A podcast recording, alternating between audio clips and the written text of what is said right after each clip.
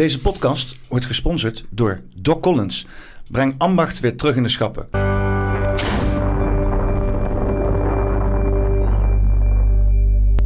Welkom bij podcast nummer 144 en ik zit hier vandaag met uh, Bram Rosa. Ja, hallo. Welkom. Dankjewel.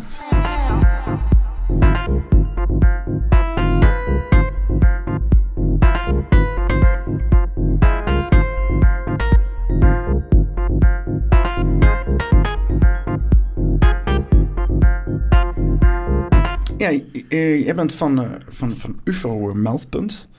Um, wat houdt dat precies, wat houdt het precies in? UFO Meldpunt Nederland is, een, um, is eigenlijk ja, niet meer en niet minder als een, als een website. Um, het, is een, het is een platform waar je ja, eigenlijk gewoon melding kan doen van je UFO-waarneming. Dus heb je iets gezien in, in het Nederlandse lucht, luchtruim uh, wat je niet kan verklaren, dan, um, ja, dan kan je bij ons je ei kwijt, zeg maar. En dan gaan wij er eigenlijk uh, naar kijken of we het kunnen verklaren. Of, uh, of niet. Dus of het een UFO blijft of dat het een IFO wordt. Dus een geïdentificeerd vliegend object. Oh, een IFO. Identified. Precies. Flying object, oké. Okay. En hoe, hoe, lang, hoe lang bestaat het UFO-meldpunt nou in Nederland? Um, ik heb het in 2005 opgericht. En, in, en, toen was het nog echt een, uh, ja, een, heel uh, armzalig formuliertje. Je kon wel video's en, en, foto's uploaden. Um, maar pas in 2011, toen Alexander Griffioen erbij kwam, mijn UFO Meldpunt buddy, toen ja, heeft hij er echt een, een, een, heel riant platform van gemaakt. Hij heeft gezegd van, uh, joh, ik, uh, ik ben een uh, front-end web developer en ik kan lekker code kloppen. Mag ik met je meedoen? En mm. zo hebben wij toen, um, nou ja, heel wat middagjes en avonden gezeten om daar echt ja, over, te, over te sparren van wat willen we er nou eigenlijk op hebben.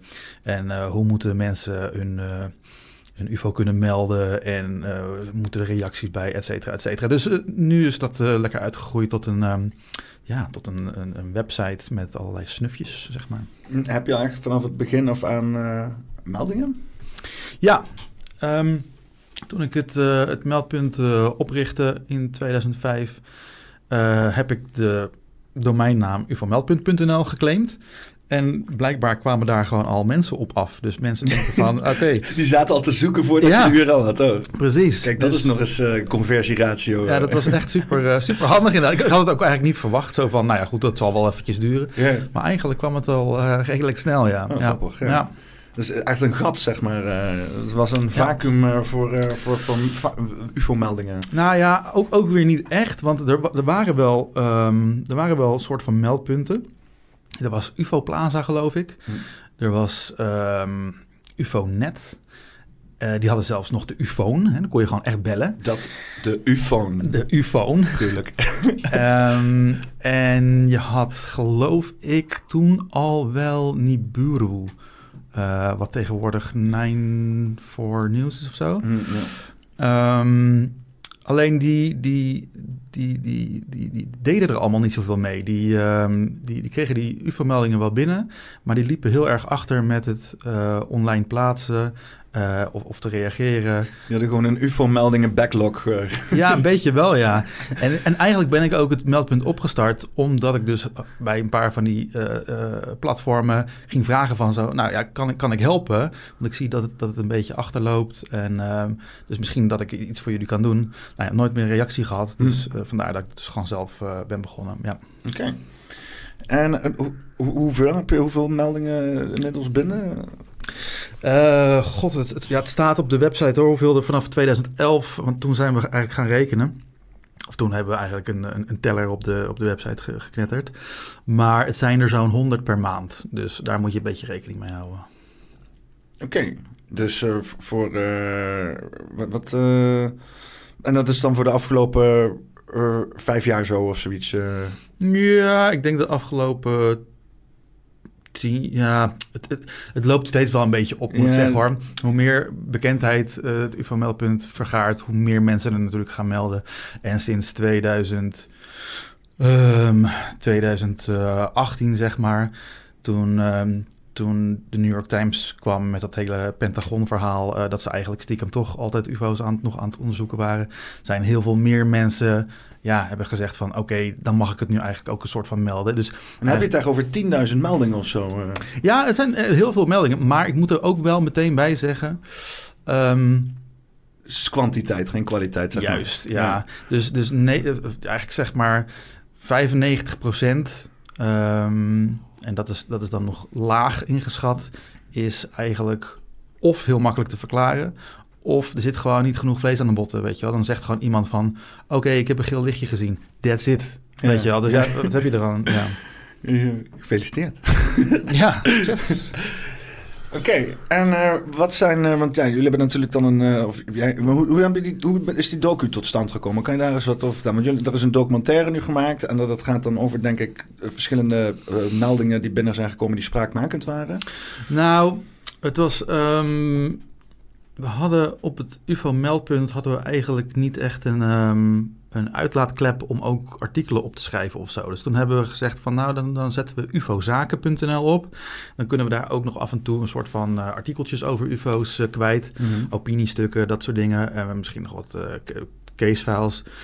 Um, en toen dachten we van ja, als, als, als dat gelaunched wordt, dan moeten we wel eigenlijk beginnen met een mooie Nederlandse casus. En uh, de UFO van Soesterberg, dus eigenlijk een, een massawaarneming op vliegbasis Soesterberg, is eigenlijk in de, ja, in de, ufologische geschiedenis van, van Nederland wel de mooiste uh, case. Dus daar gingen we dus uh, wat, wat onderzoek naar doen voor een artikel. Want heb je ook veel meldingen over binnengekregen dan? Uh, over nee, Soesterberg? Nee, nee, nee, nee, niet, Want dat is natuurlijk dat. een tijd geleden. Ja, de, de UFO van Soesterberg is echt uh, in de Koude Oorlog geweest. Dus in ah, 1979 ja. inderdaad, ja. Um, dus, maar goed, tijdens dat onderzoek... Um, ja, kwam ik er eigenlijk achter dat het een, een, een veel moeilijkere uh, casus is dan, dan zomaar een ufootje die overkomt vliegen.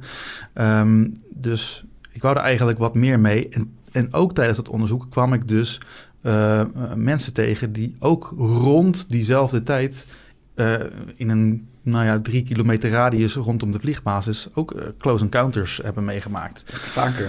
Ja, dus het is dus, dus ja, dus het was niet alleen maar één incident. Dus ik heb ze eigenlijk allemaal bij elkaar geraapt. En daar um, die documentaire uh, omheen gebouwd. Dus de UFO's van Soesterberg is het geworden in plaats van de UFO van Soesterberg. Ja. ja. Dus eigenlijk heeft het niks te maken hoor met... Uh, met, met, met UFO-meldpunt? Nee, eigenlijk uh, niet, nee. Want, want, want, want je, hoe, hoe ben je dan zo... Want wie werken nog meer mee aan die documentaire? Um, nou ja, ik moet, ja, eigenlijk is dat een, een redelijke lonely productie.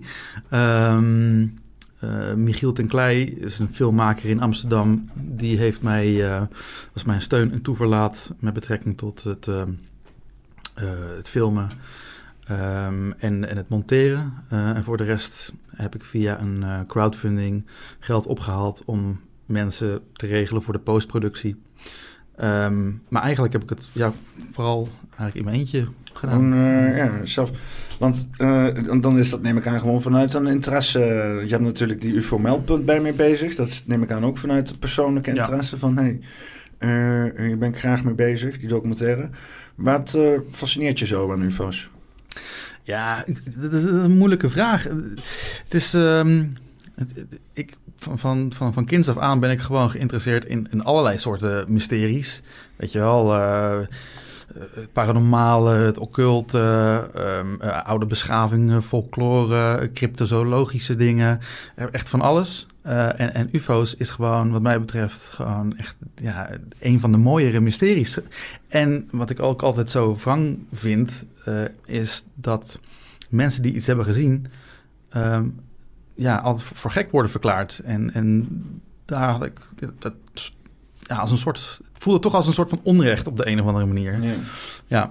In zekere zin ook mensen een stem geven. Ja, precies. Mensen een, een, een, eh, een, ei kwijt laten kunnen zonder uitgelachen te worden.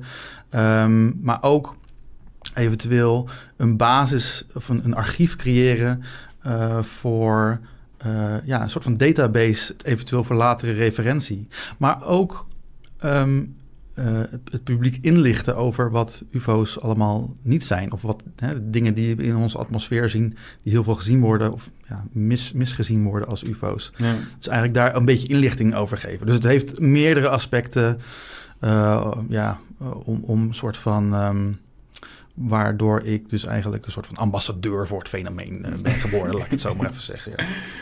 De UFO-ambassadeur. Ja. Is dat, kunnen we jou bellen als de UFO's landen? zeg Bram, het is zover. Ja hoor. ik kom al langs. Zullen we een stukje even kijken van de docu? En goed. van de trailer in elk geval. En dan, uh, dan uh, pakken we vanaf daar weer op. Want dit is het beeld wat ik had.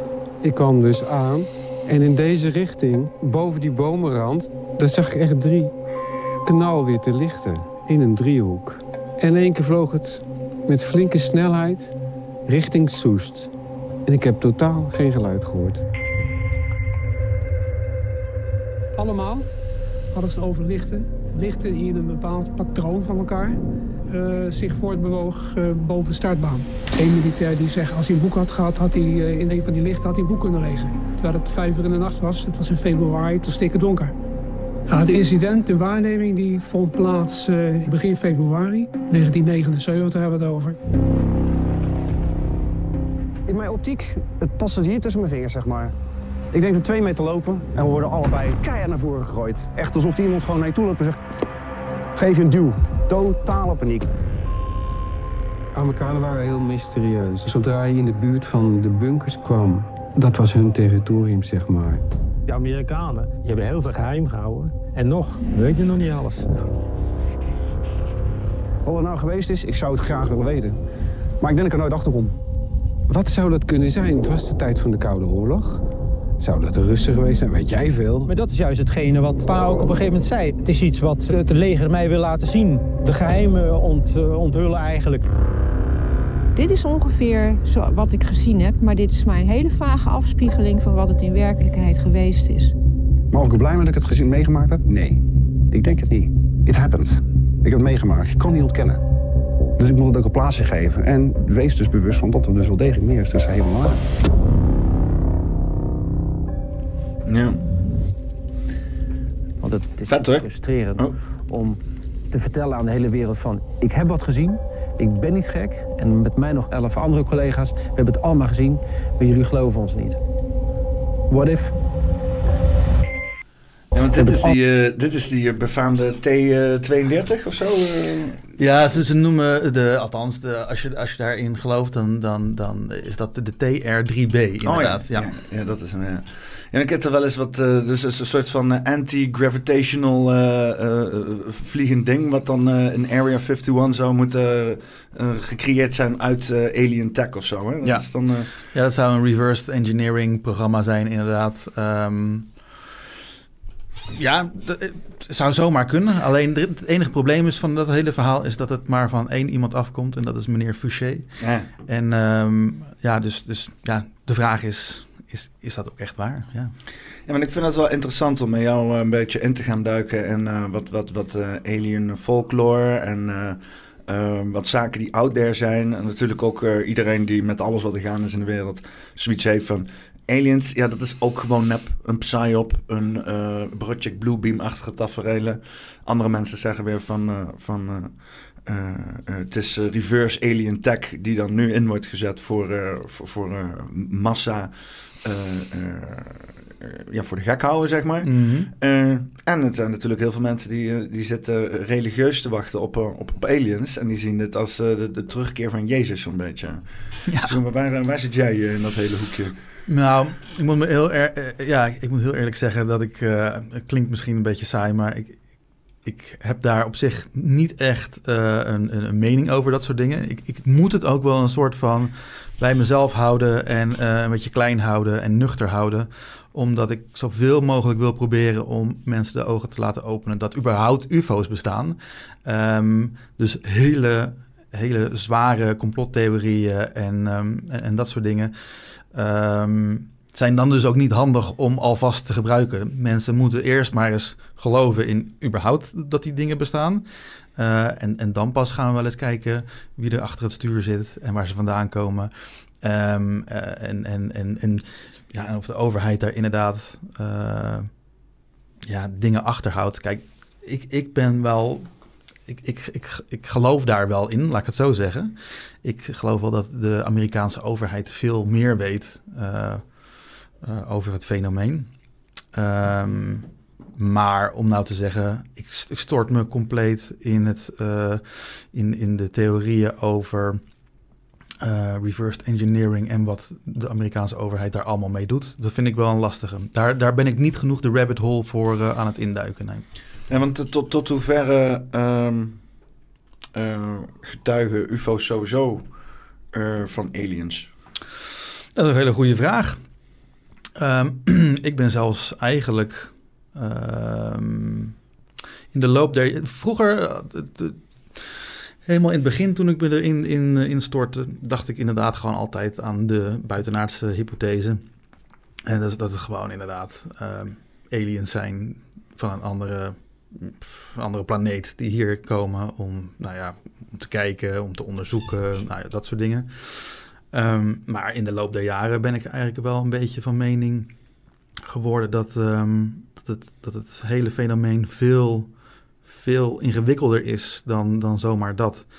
Um, en ik denk, ik, ja, ik, we, beginnen ook nu pas met. met uh, kwantumwetenschappen en zo. En, en dus ik, ik, ik, ik denk dat dat, als we daar veel verder mee zijn, dat dat nog wel eens de sleutel zou kunnen zijn. Omdat ik denk dat het echt een veel, ja, bijna uh, meer een soort van etherisch fenomeen is soms. Uh, maar het zou, het zou ook heel goed een, een mix van allerlei dingen kunnen zijn. Zou ook een, je hebt natuurlijk heel veel hypotheses. Je hebt de tijdreizigershypothese. Ja. Je hebt de interdimensionale hypothese. Je hebt de, uh, uh, nou ja, de, de, de hypothese dat uh, um, de grootmachten van, van de wereld gewoon dit soort dingen gewoon maken zonder alien tech. Hè? Dus dat ze gewoon al veel verder zijn met de technologie en dat ja. en dat, dat er gewoon die UFO's zijn. je hebt natuurlijk de, je hebt de hypothese dat het ultra-aards is. dat vind ik zelf nog een, wel een hele interessante. Wat houdt dat in?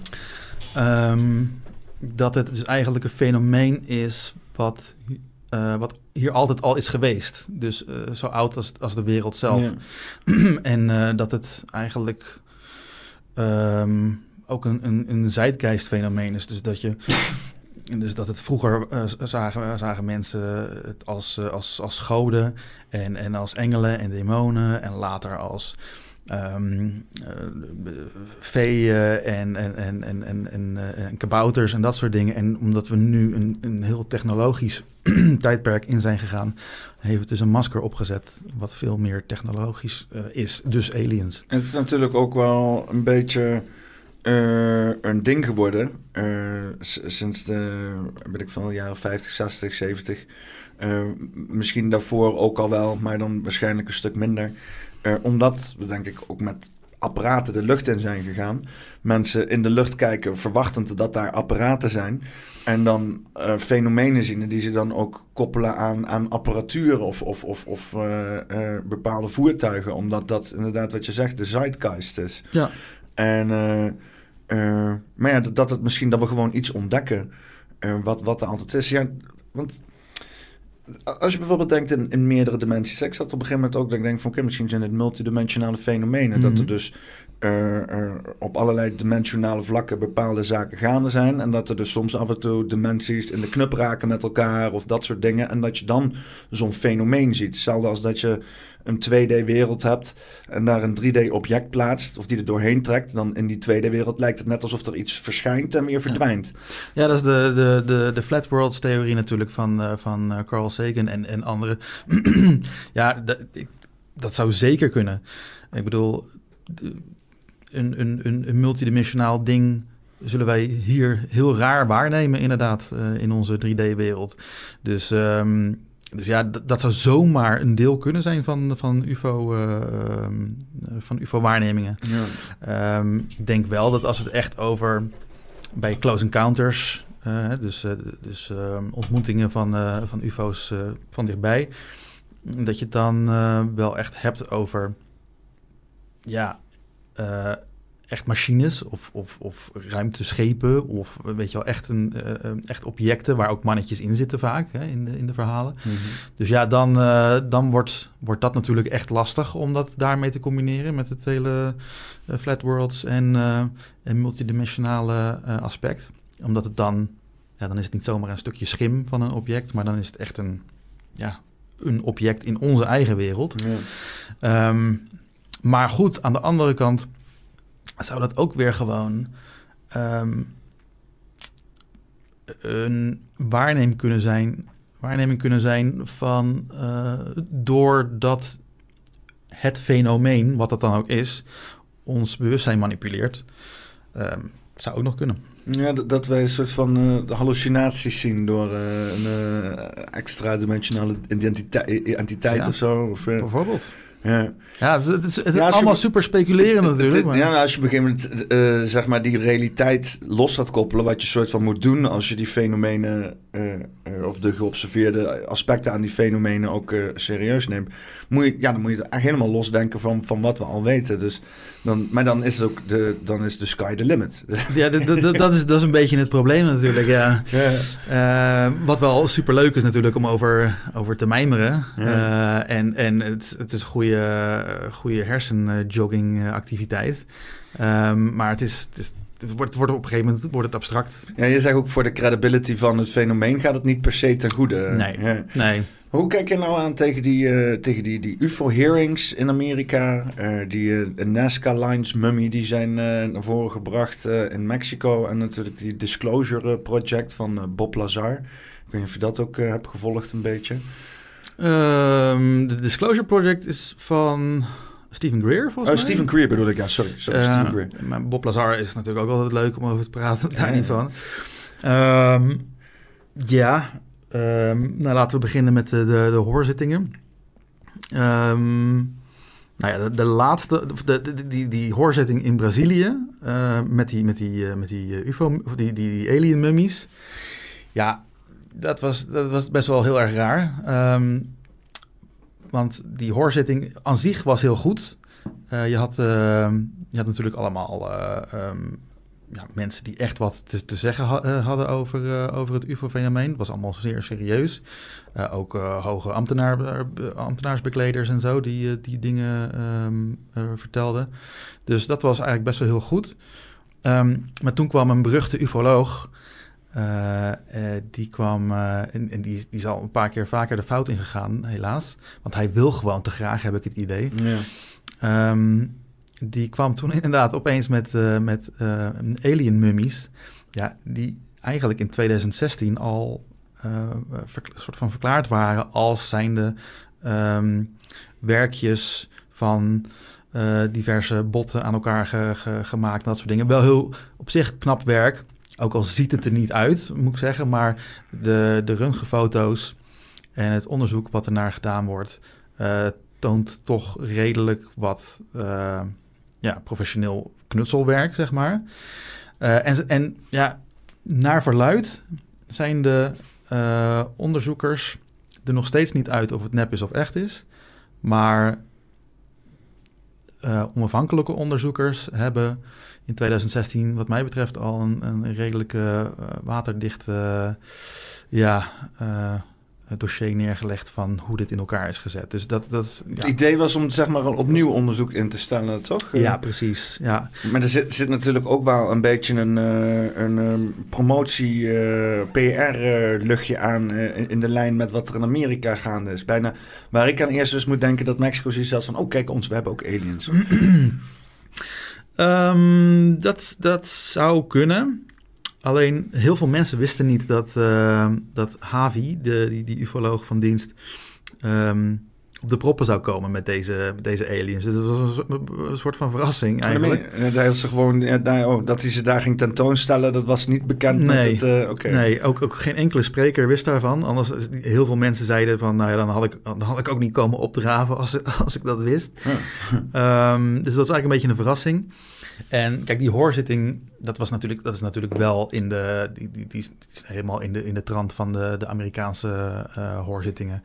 Um, maar dat, dat lijkt mij ook niet meer dan logisch. Ik, ik, zou het ook niet gek vinden als andere landen dat op zouden pakken, zeg maar, hoorzittingen over, uh, over dit fenomeen. Ik bedoel, ja. Wat zou jij uh, vinden van hoorzittingen in Nederland over UFO's? Ja, laat maar komen. Dat is toch. Ja, ik denk dat wij gewoon. Wat, ik denk dat wij een wat te klein land zijn. Ik denk ook dat wij vinden dat het uh, niet zo spannend is. Um,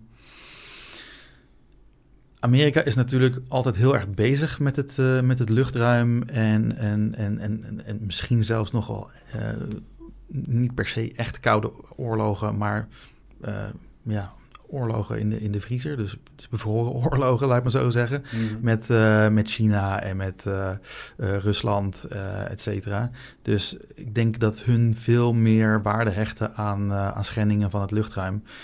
dus dat ze daar, daarom heel erg... Um, uh, bezig zijn met dit hele verhaal. Daarnaast hebben ze natuurlijk die klokkenluider gehad, Luis Elizondo, die in uh, 2017 tegen de New York Times heeft gezegd van, nou ja, ik was de baas van een, uh, van een UFO-programma.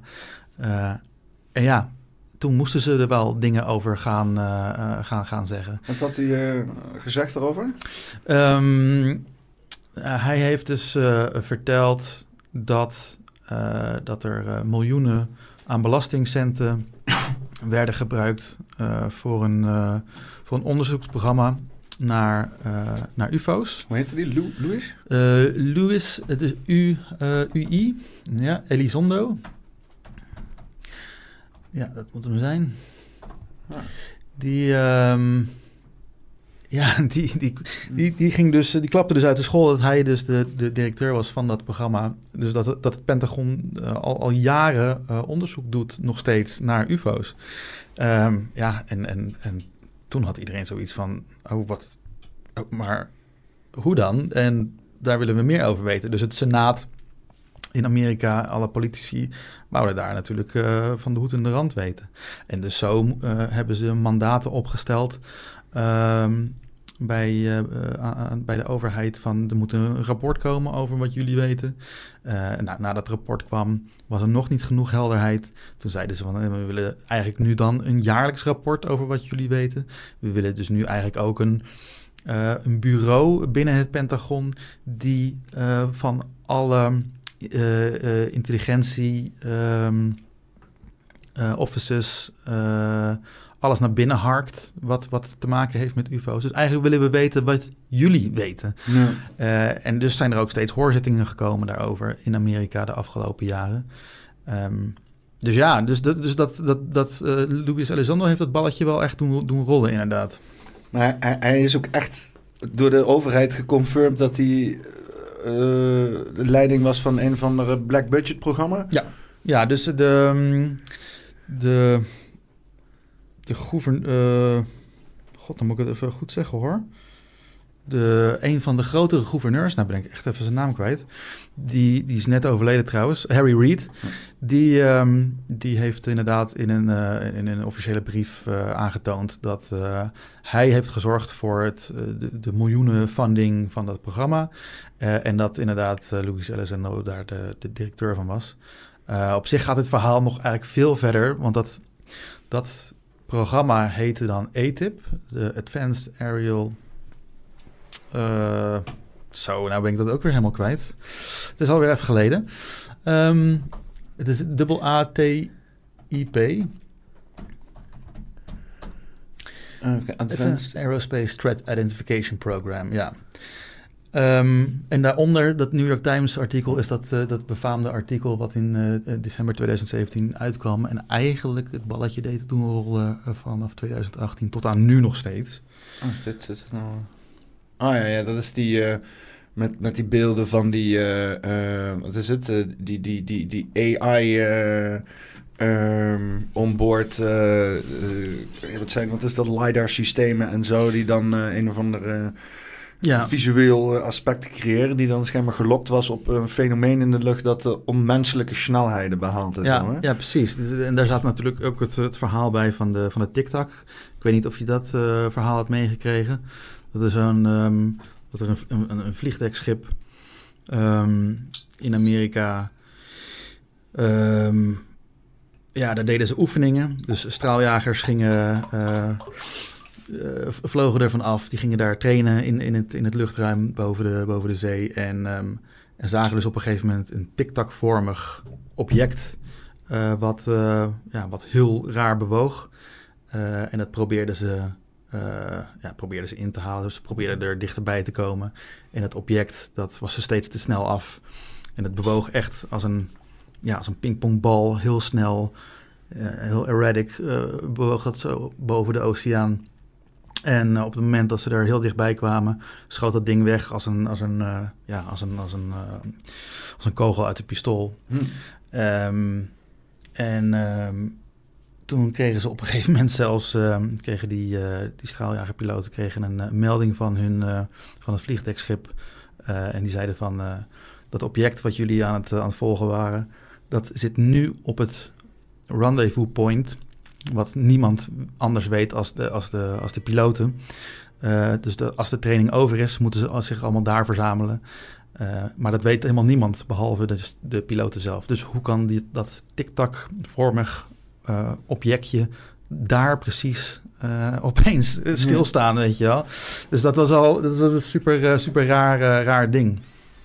Maar dat is dus een van die verhalen die dus ja, door, door radar is gezien door echte piloten. Maar dus ook een van die filmpjes zijn die dus uitkwamen door eh, die Luis Elizondo en eh, dat hele verhaal eh, erbij. Dus dat was een heel mooie, mooie case inderdaad.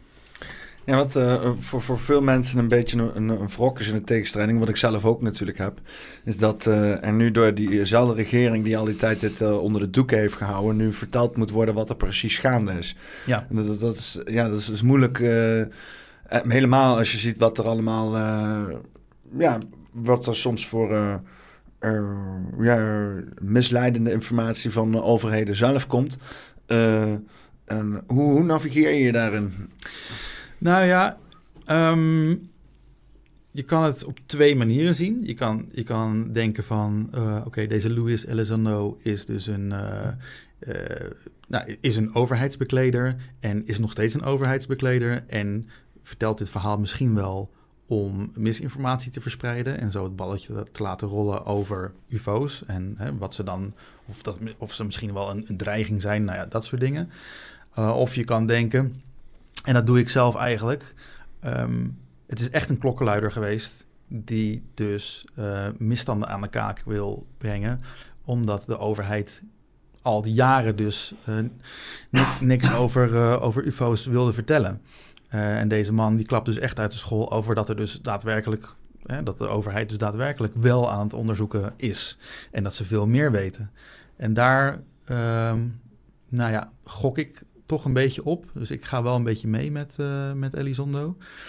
Ehm, en je merkt ook heel erg dat de overheid het niet zomaar allemaal prijsgeeft. Dus het is, nou, hoe lang is het 2017 geleden? Nu alweer vijf jaar geleden. Ja. En, en de overheid komt echt niet zomaar over de brug met allemaal informatie.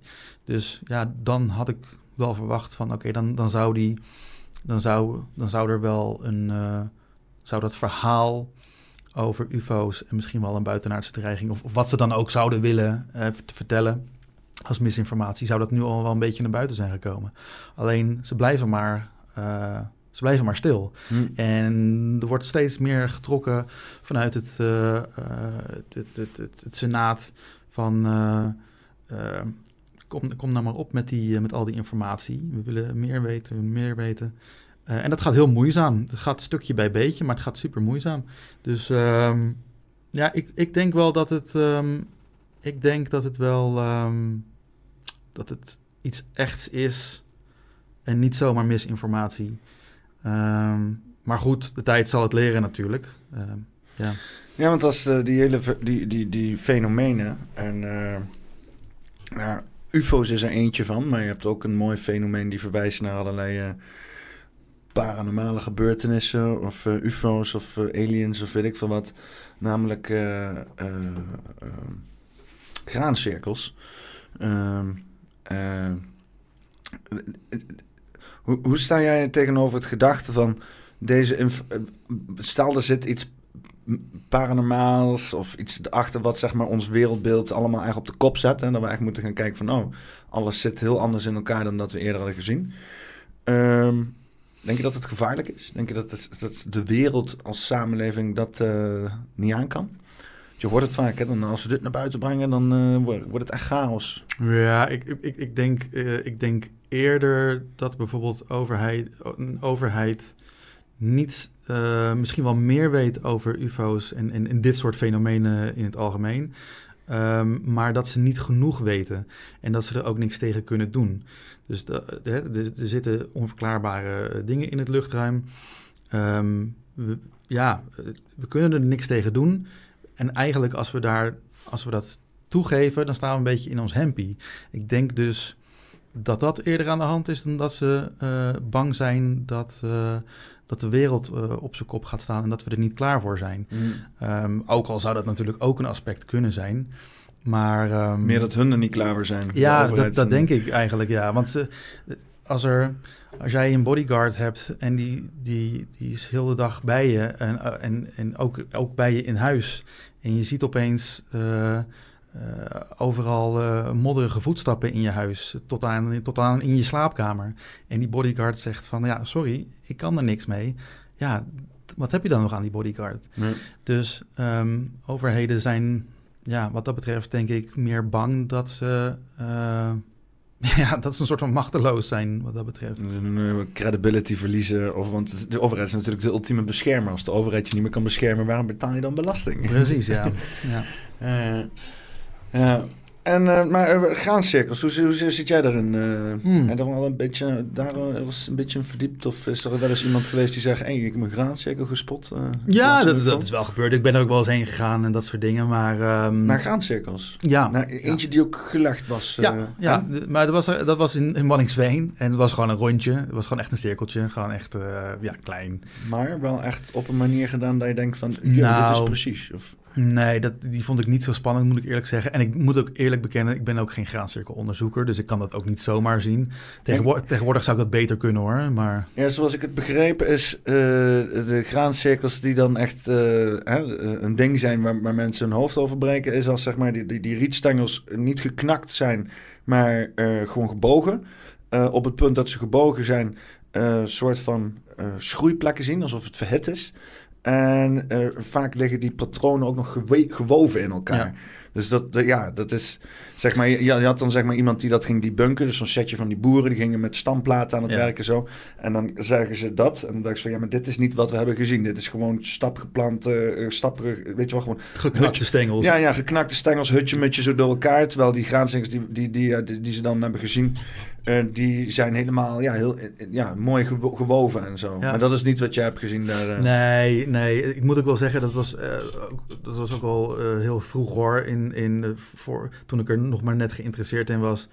Ehm, eh, maar ik ben het met je eens, de, de eh, graancirkels waarvan de, de stengels, dus eigenlijk de, de, de, hè, die, die, die, die nodes, die verdikkingen ehm, eh, die erin zitten, eh, die, zijn, die lijken dan ge- geïmplodeerd, dus van binnenuit eh, eigenlijk een soort van ontploft, zeg maar.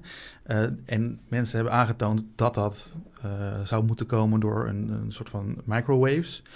Ehm, ja, dat is dan dat is behoorlijk knap als je dat kan met wat voor technologie ook. En ik denk dat, dat, dat ja, gewoon het publiek niet zulke technologie heeft om, om, dat te, om, om daar graancirkels mee te maken. Dus ik denk dat, net als bij alles trouwens, bij al dit soort fenomenen, zal 95% nep zijn en eh, zal er zeker een, eh, een percentage echt zijn. Ik heb wel eens eh, Klaas van Egmond ook gesproken. Dat is een Nederlandse geoloog, wet- wetenschapper. Die, is, die heeft zich daar wel eens in verdiept. Ja.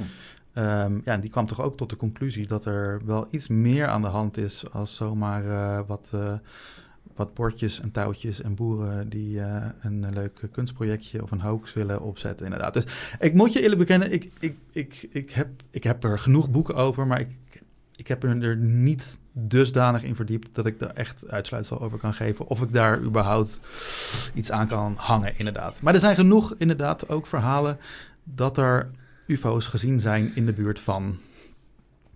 Uh, van, van graancirkels. Van graancirkels, ja. ja. je hebt bij, bij Engeland, bij die uh, hunnebedden, uh, daar, daar zijn dan vaak, vaak UFO-sightings en graancirkels die daar ook allemaal um, op poppen. Ehm, ja, ja, ik heb er zo mijn eigen, eigen theorieën bij. het, het, heeft wel inderdaad. Ik, ik, ik vind het het leukst is, denk ik inderdaad, vind ik zelf tijdreizen. Hè? Of, of, of dat, dat het dus inderdaad. Uh, ergens de komende honderden jaren we een vierde dimensie unlocken. Waarin we ja, gewoon ja, tijd op een andere manier kunnen zien. Of dat dan ook meteen, of dat dan alleen in één dimensie is, dat, dat weet ik nog niet. Het kan best zijn als je met tijd gaat rommelen, dat je in één keer ook in allerlei alternatieve dimensies kan gaan terechtkomen.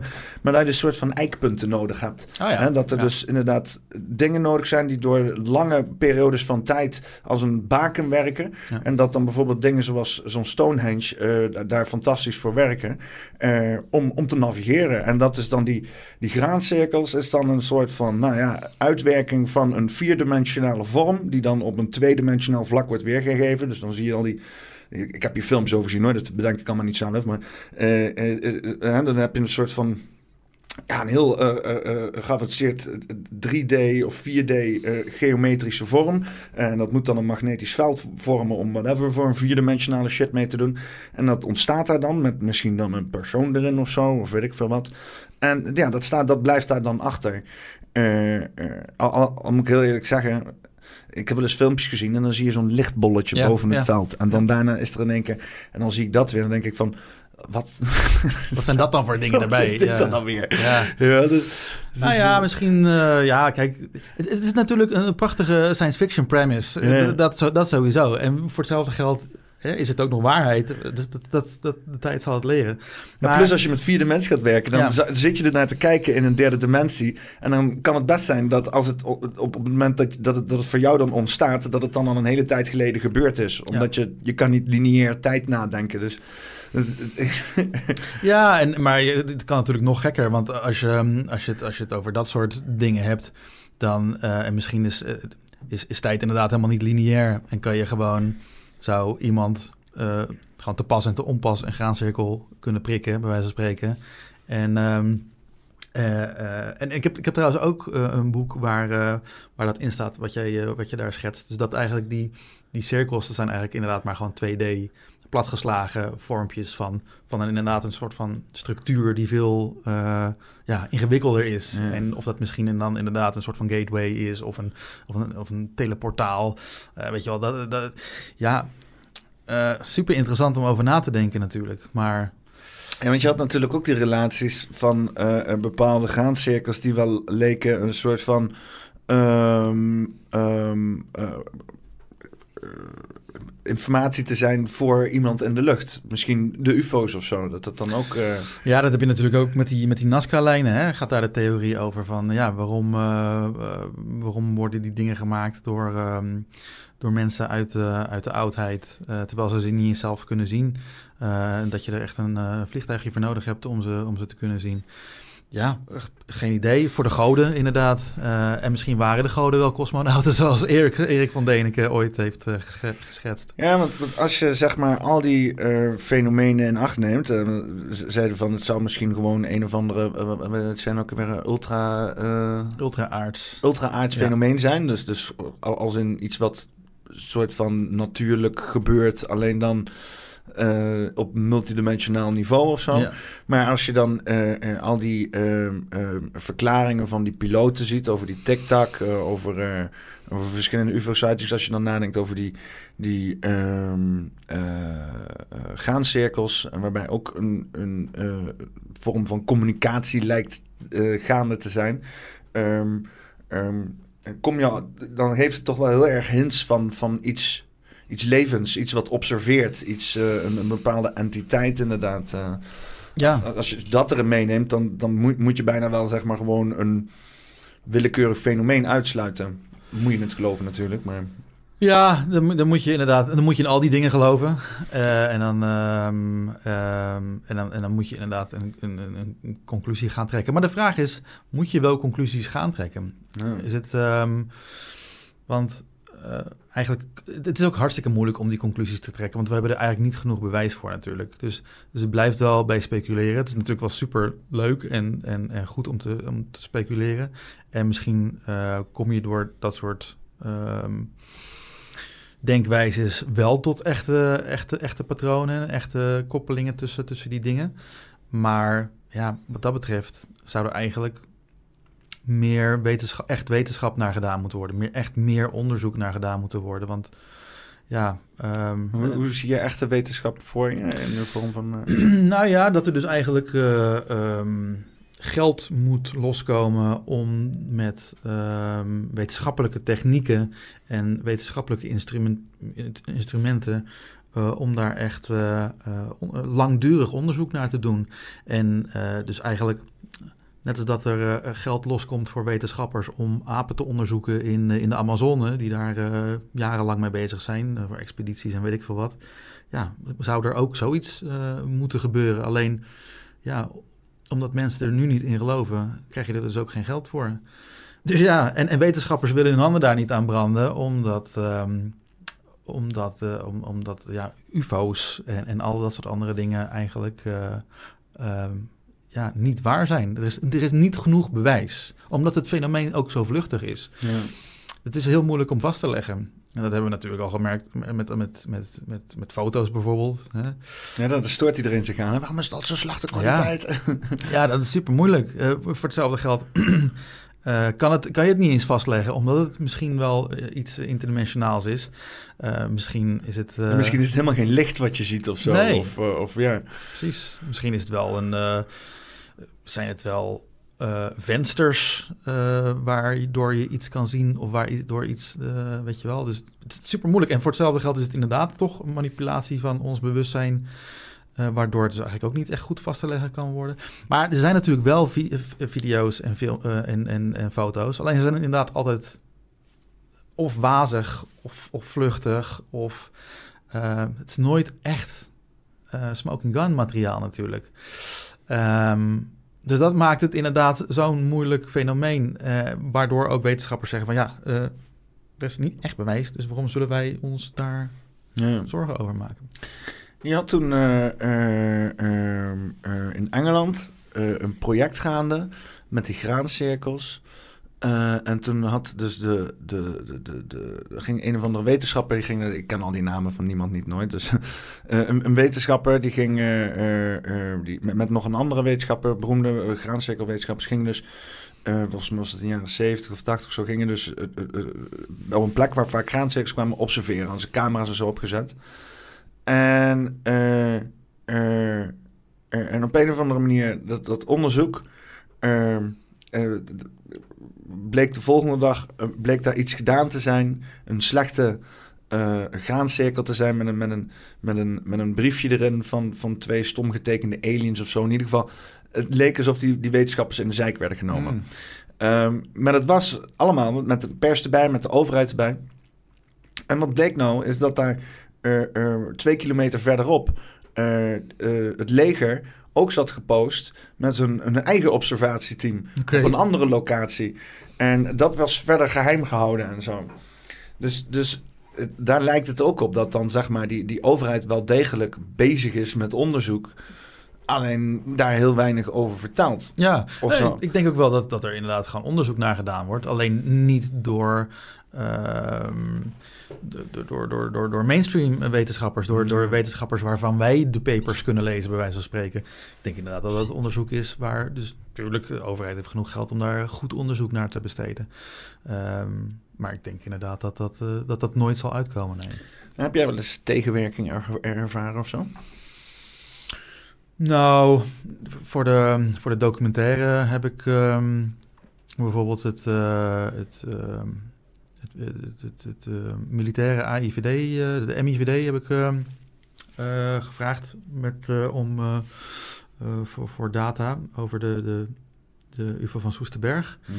Eh, en daar kreeg ik dan eh, bericht van terug dat ze dat eh, niet willen vrijgeven, omdat, ze- omdat, het, omdat de Koude Oorlog eigenlijk een. ehm, eh, dat, ja, dat informatie in, ja, over de Koude Oorlog gewoon niet vrij kan komen. Dus ze hebben dus wel informatie. Nou ja, dat willen ze dus niet per se zeggen. Ze zeggen gewoon van ja, dat is gebeurd in dat tijdstip en daar kunnen we dus niks over zeggen. Zou dat, dat dan weer zijn? Ja, dat, zou- dat Koude zal- je zou zeggen dat het is afgelopen, dus dan eh, hoeft dat niet meer. Ja, zou je zeggen, maar misschien Is dat... niet als het Koude Oorlog niet afgelopen. Dat is, ook dat zou kunnen. Nee, maar ja, ik, ik denk dat dat soort dingen vaak eh, ongeveer zo'n 75 jaar geheim worden gehouden, zodat eh, in jouw levenstijd dat dan nooit, eh, weet je wel, dat, dat, dat- Nee, dat het altijd gaat over je voorouders en al dat soort dingen. Ja, ja, precies. Ja. En eh, nou ja, goed, misschien lagen er dus ook kernwapens op Soesterberg. en, en dat zou kunnen verklaren waarom, het, waarom er niks over vrijgegeven wordt. Ja. Ja, want dat is natuurlijk wel een dingetje dat de UFO's zo, zo gezegd bij heel veel kernbasissen en kernfaciliteiten allemaal eh, op. Of in ieder geval, je hebt een hoop eh, faciliteiten waar kernactiviteit zijn en dan zijn daar ook heel vaak eh, UFO-sightings. Ja. Eh, Ja, een bekend, eh, een, een bekend boek van Robert Hastings is UFO's en Nukes. Eh, daar is ook een documentaire van. Eh, Dus dan hoef je, eh, nou ja, goed, het boek heeft natuurlijk veel meer informatie en veel meer cases dan in de documentaire. Maar goed, de documentaire is een mooie startpunt daarvoor. Ehm, en eh, ja, daar, daar wordt heel erg, eh, ja, daar is het heel erg evident dat het, eh, dat, dat UFO's in ieder geval interesse hebben in, eh, in kernwapens, inderdaad, ja. ja. Dus dat is wel interessant, zeker. En dat zou dan ook wel inderdaad. Dat, dat past ook wel bij mensen in de toekomst.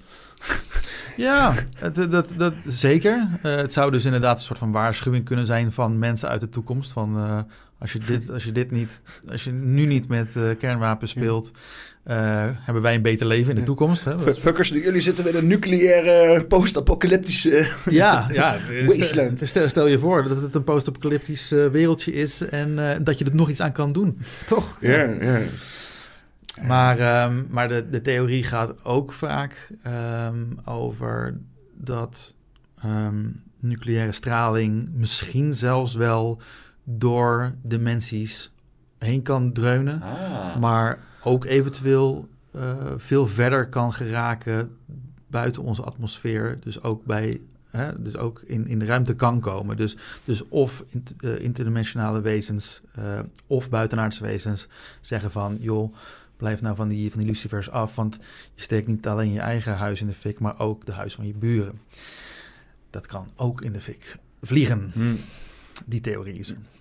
Ja, als in dat je meerdere dimensies opblaast of aan het. eh, nou, schade kan berokkenen in ieder geval. Ja. Interessant. Ja. Ehm, de film, de documentaire. Eh, kan jij eh, wat vertellen over hoe dat, hoe het filmproces is gegaan? En, en misschien wat over de mensen die vertellen? Misschien iets ja. nog wat toelichten? Ehm, ik ben in eerste instantie gaan kijken naar wie er nog bereikbaar was van het vliegbasisincident zelf. Ehm, helaas zijn heel veel mensen ehm, of niet vindbaar, of ze zijn alweer dood. Want het is natuurlijk al best wel even geleden, 1979. Ehm, ik eh, kwam wel in contact met, eh, met de persvoorlichter, die uiteindelijk samen met de VPRO ervoor heeft gezorgd dat die twaalf mensen eh, op de radio hun, eh, hun verhaal konden vertellen. Eh, stukjes daarvan heb ik ook gebruikt in de, in de documentaire. Hm. Het hele, het hele radiospel kan je op, vinden op YouTube wel. Dat is echt wel, er zitten wel kippenvelmomentjes tussen van die mensen die dan vertellen over wat ze hebben gezien. Ehm, en ik heb de man gevonden, de, eerste, de militair die, eh, die de UFO als eerste zag. Hm. Eh, die vertelt erover in de, in de documentaire. Ehm, en helaas, ik heb nog wel meer mensen gevonden. Alleen die waren, ja, je moet je voorstellen, in die tijd ehm vertelde, ja, ver- vertelden mensen het, eh, het tegen hun collega's. En die collega's die, die, die lachten, hun, ja, lachten die mensen gewoon uit.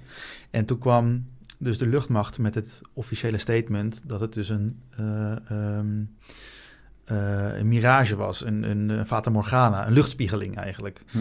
Ehm, maar ze hadden gewoon echt een groot zwart driehoekig object gewoon gezien, echt een machine zeg maar. Dus eh, eigenlijk werden ze dus uitgelachen en voor leugenaars uitgemaakt door hun eigen werkgever. En toen ze thuis kwamen, werden ze ook nog eens een keer uitgelachen door hun familie en vrienden. Dus heel veel mensen die wouden er gewoon toen al niet meer over praten, ook niet tegen de pers. Uh, en nu, dus wederom nu ik aan de bel hang, uh, willen ze er nog steeds niet over praten, omdat ze eigenlijk gewoon al te vaak gewoon uh, belachelijk gemaakt zijn. Uh, en, en die mensen die. Uh, en, en, ik heb geprobeerd te zeggen natuurlijk van joh, ik wil jullie juist redeemen. Ik wil jullie juist uh, op een voetstuk plaatsen om te zeggen dat het omdat er echt wel wat is gebeurd. Maar goed, die mensen die zijn ja, toch een beetje getraumatiseerd door dat hele incident en door het, door, het, door het ridiculiseren. Dat ze hebben gezegd van joh, ik wil gewoon echt niet meer meedoen. Ik wil gewoon niet meer in de belangstelling komen te staan. Het, is, het is voor mij klaar. En ja, ik ben wel, wat dat betreft ben ik een beetje hardleers of nou ja. Uh, ik, wil gewoon, ik wou gewoon graag die mensen voor de camera hebben.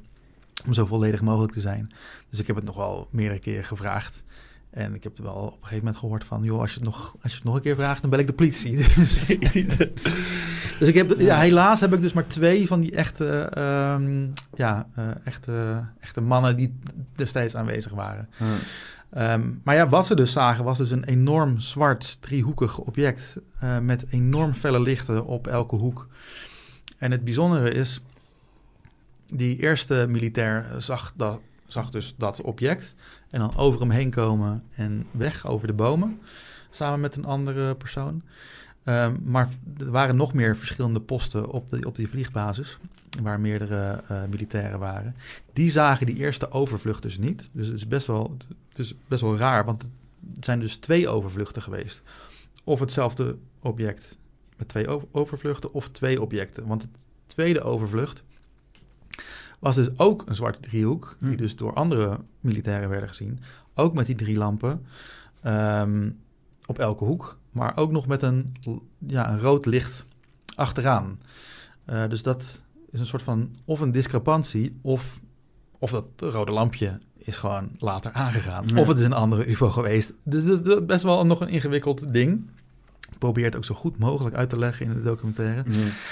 Ja. Um, want ook ik had in het, in het begin zoiets van...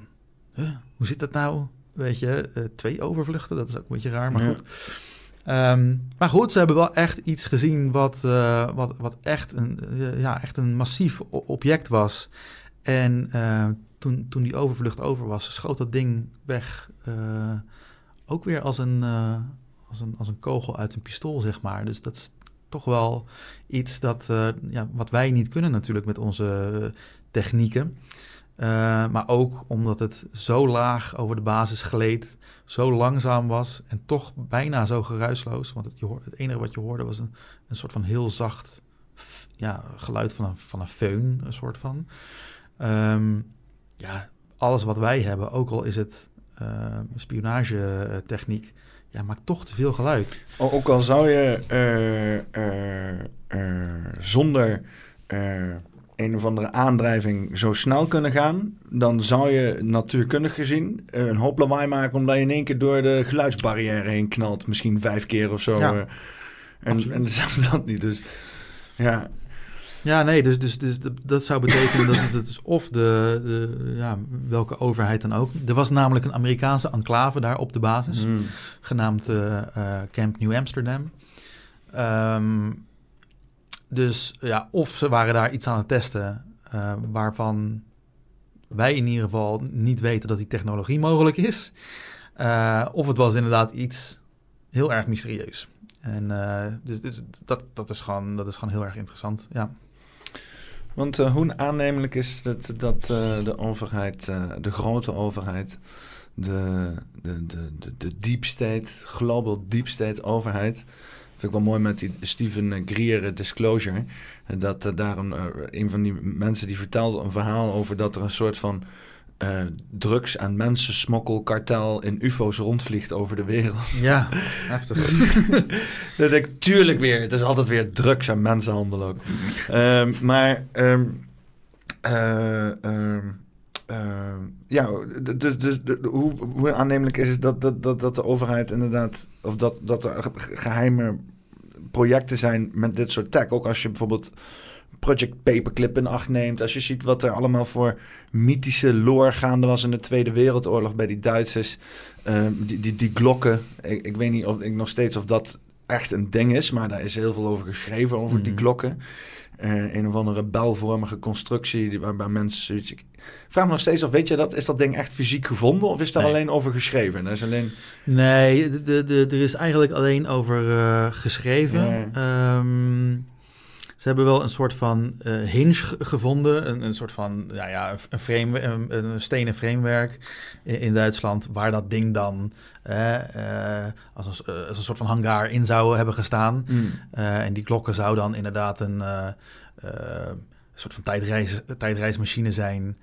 Um, maar uh, zowel die klokken als de, de Hanneboes, de, de, eigenlijk de vliegende schotels die de nazi's zouden hebben gemaakt, mm, zijn eigenlijk allebei uh, hoogstwaarschijnlijk verzonnen door uh, Duitse neonazies die, uh, die, die graag het,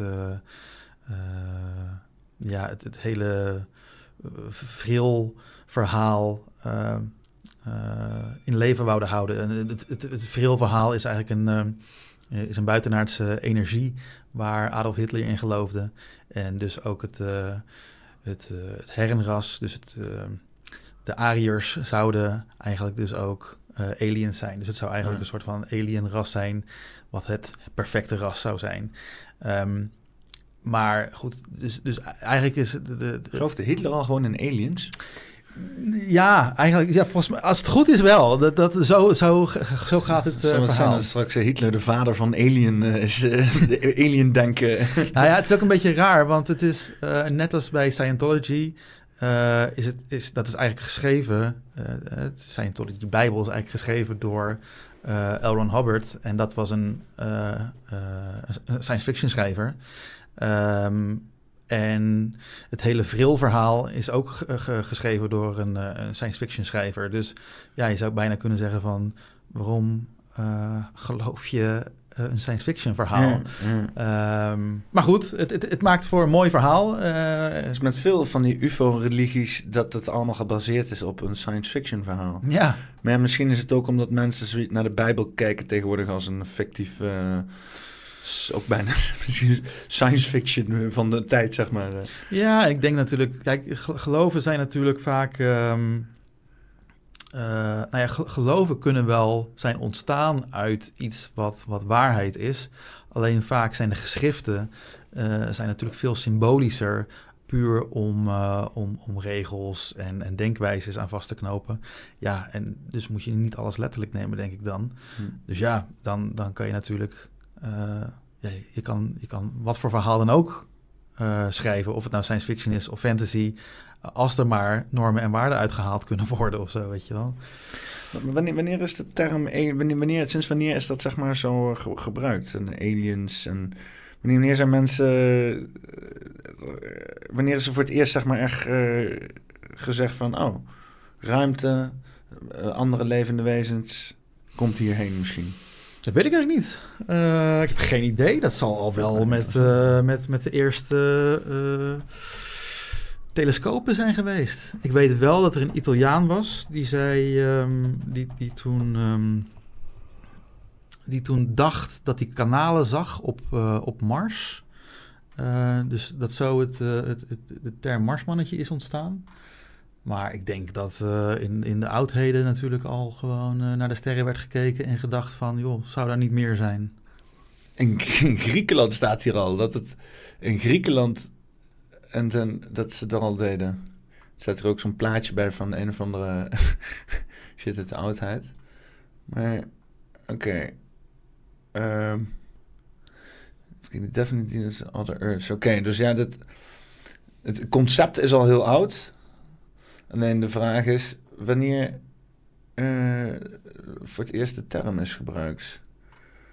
Uh, better besides earliest recording examples was written 200 AD.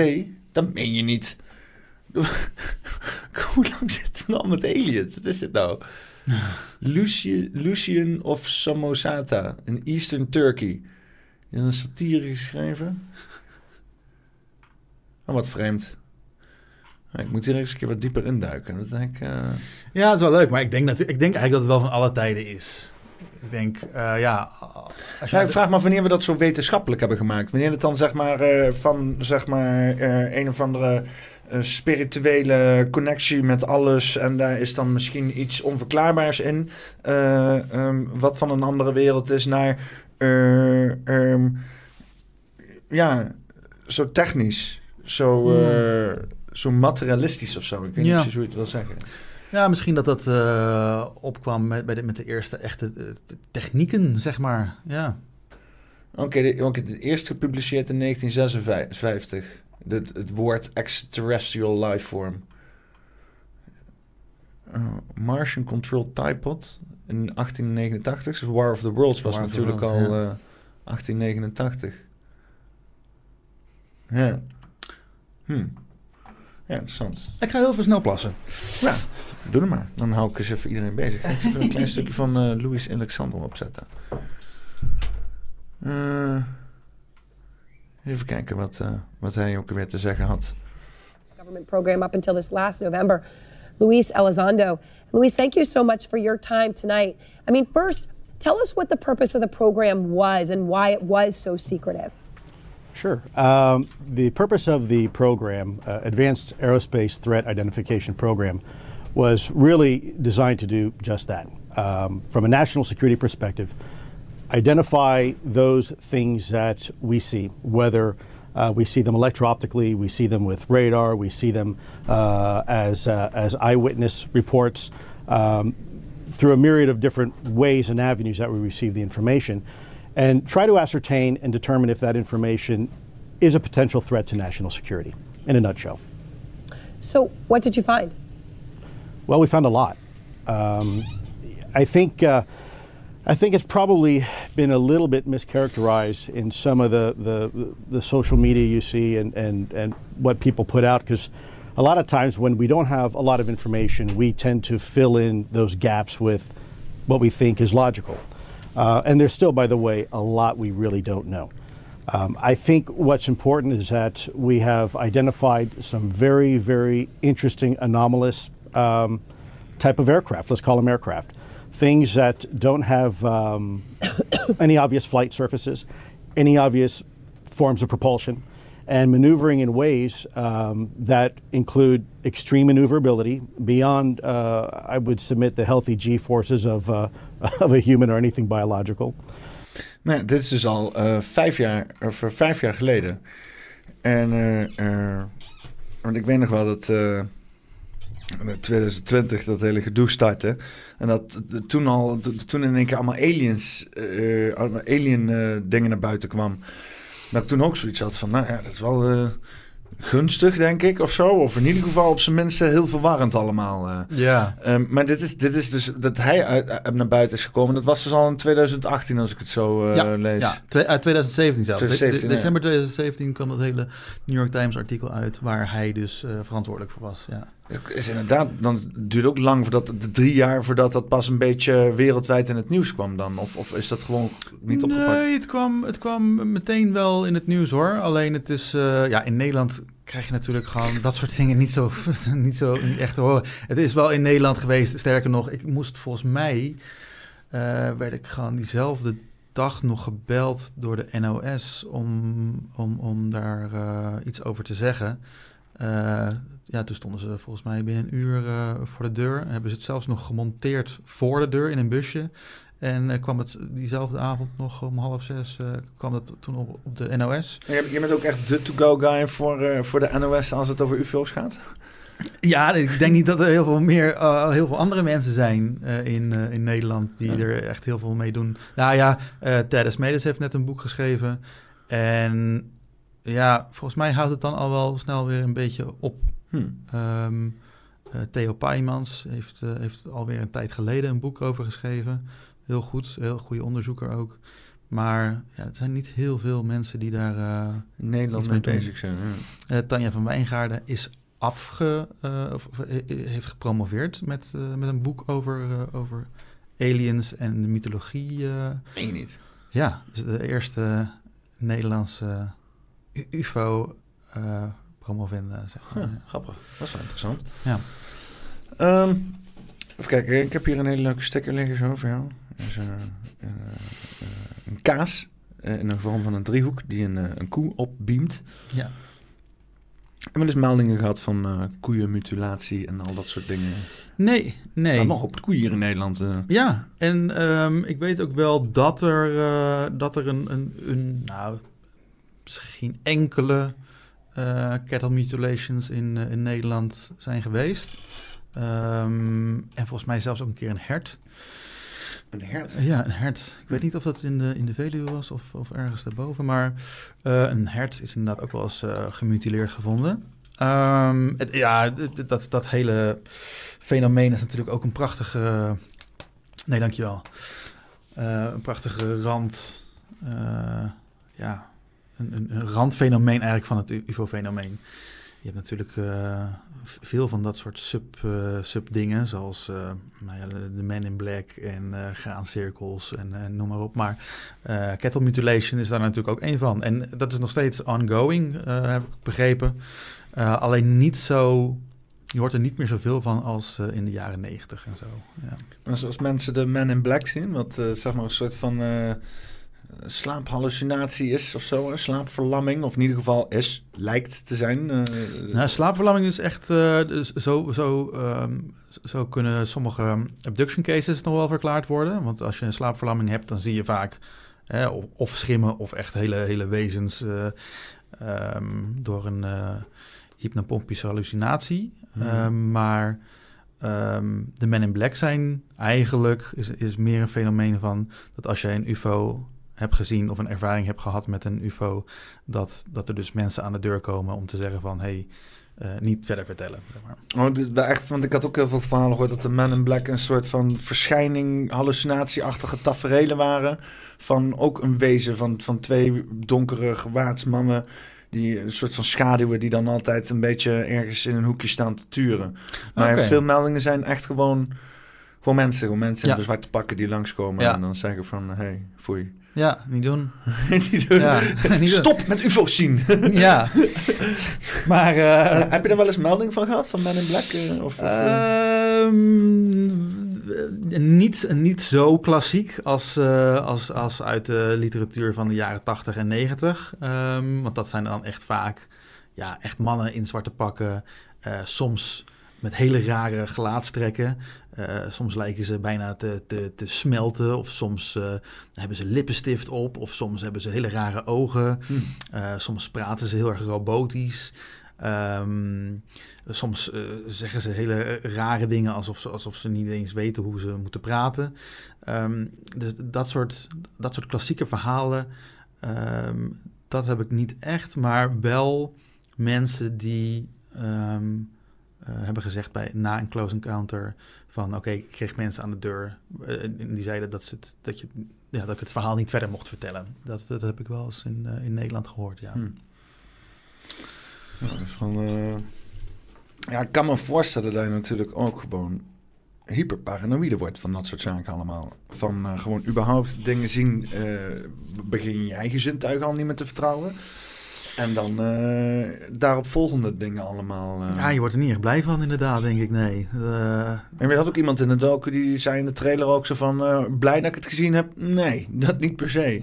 Nee, um, dat was ook wel iemand die had dan een close encounter of the second kind. Um, je moet zo zien, close encounter of the first kind is, is, is dus een ufo zien van 150 meter of, of dichterbij uh, Close Encounter of the Second Kind is, is dat er uh, een UFO van dichtbij is, of dichtbij is, en dat er dus ook iets gebeurt, of met jou uh, of met je omgeving.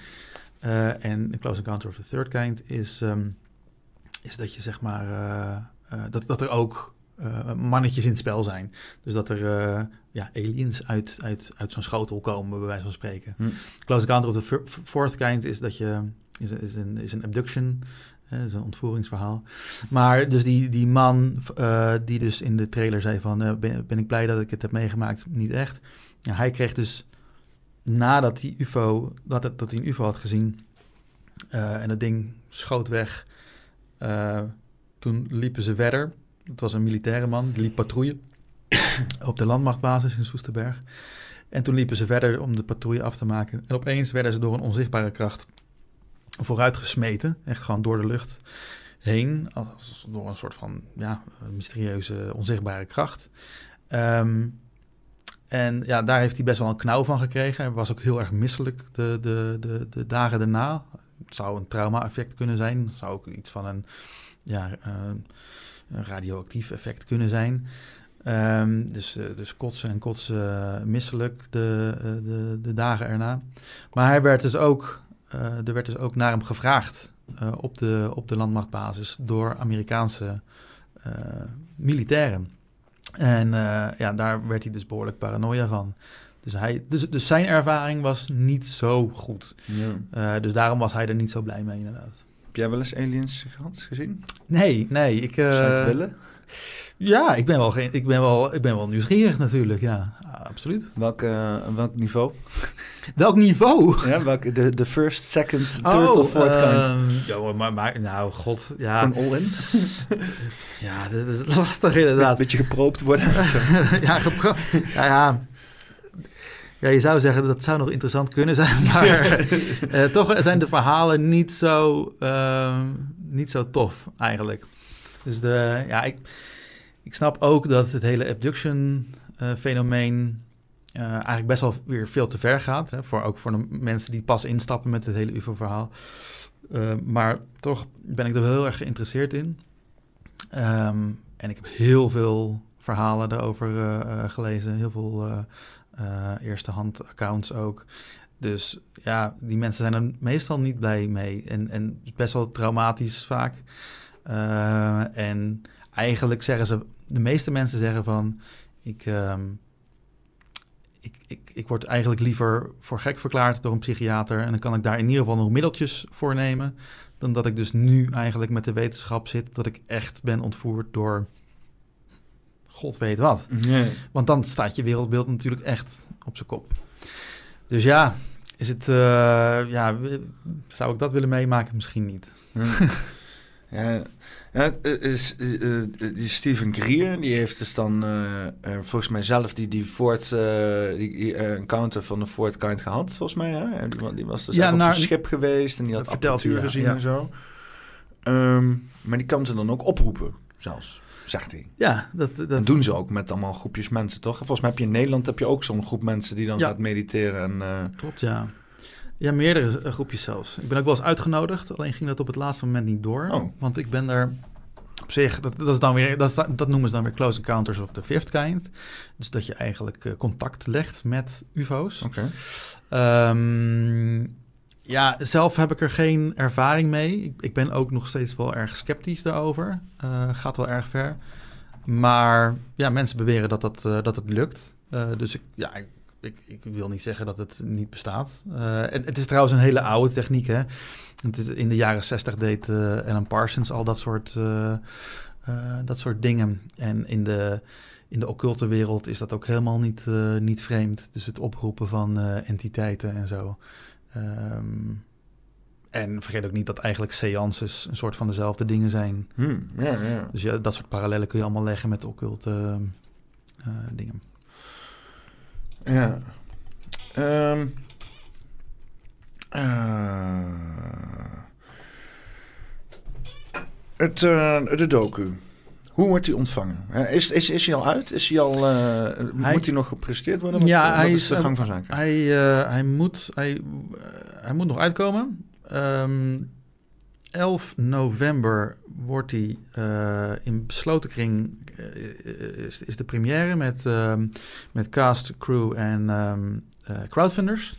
En dan gaat hij de 16e van november gaat hij eigenlijk publiekelijk in première in Filmtheater Hilversum, op Filmfestival Hilversum.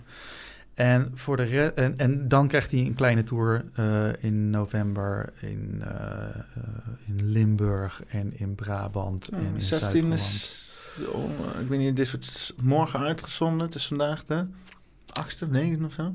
Tiende? Mm. Ik weet het even niet. Het is vandaag de vierde. De vierde.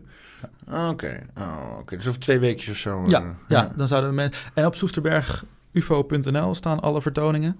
Helaas, ja, ik heb, ik heb 60 plus uh, filmhuizen benaderd. Uh, en maar van een twaalftal kreeg ik überhaupt antwoord. En dus hebben helaas maar een stuk of acht filmhuizen gezegd van... Joh, we willen best hm. wel, uh, we willen die film wel draaien. Um, in Arnhem, wordt hier in Arnhem gedraaid? Focus? Nee, heb ik wel benaderd. Ik ga klagen. Ja, klaag, klaag. klaag bij je lokale filmtheater. Juist. Dat er geen, geen, uh, geen uh, de uh, ufo's van Soesterberg Precies. geshowd wordt. Ja, want uh, is er al, heb je al wel een soort van release binnen een kring gehad of zo? Heb je zijn er al mensen die ernaar gekeken hebben of is dat vooral... Ik heb wel mensen die ernaar gekeken hebben, maar gewoon meer, dat was meer ter, aan, aan, het einde van de rit, toen, toen, toen die in de can was, toen die klaar was, zo van, nou ja, heb, heb, ik nog gekke, gekke dingen die ik over het hoofd heb gezien, een beetje dat soort dingen. ja, god, natuurlijk zijn dan de, de de, de kritieken wel uh, ja, tof, uh, goed gemaakt, uh, dat soort dingen. Maar ja dat, zijn, ja, dat zijn echt uit eigen kring. Dus ja, dat, dat, dat is dan moeilijk. dat is een beetje subjectief natuurlijk. Um, maar ik heb hem ook naar filmfestivals gestuurd. Nederlandse filmfestivals hebben hem helaas allemaal niet geselecteerd. Um, wel al een paar buitenlandse filmfestivals in Argentinië en Mexico. Um, uh, is die, heeft hij dus al gedraaid. En in Italië is hij in première gegaan um, vorige week zaterdag. Oh. En da dat waren wel, uh, daar kreeg ik wel lovende kritieken. Oké. Dus dat was wel leuk.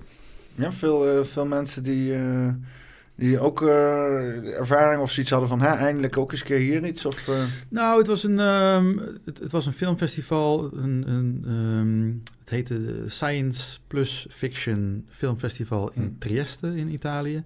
En um, daar, had je, daar, daar worden dus uh, science fiction films getoond, maar er is dus ook een wetenschappelijk, uh, zit een wetenschappelijk tintje aan. Dus je hebt lezingen en documentaires uh, over wat meer wetenschappelijke dingen.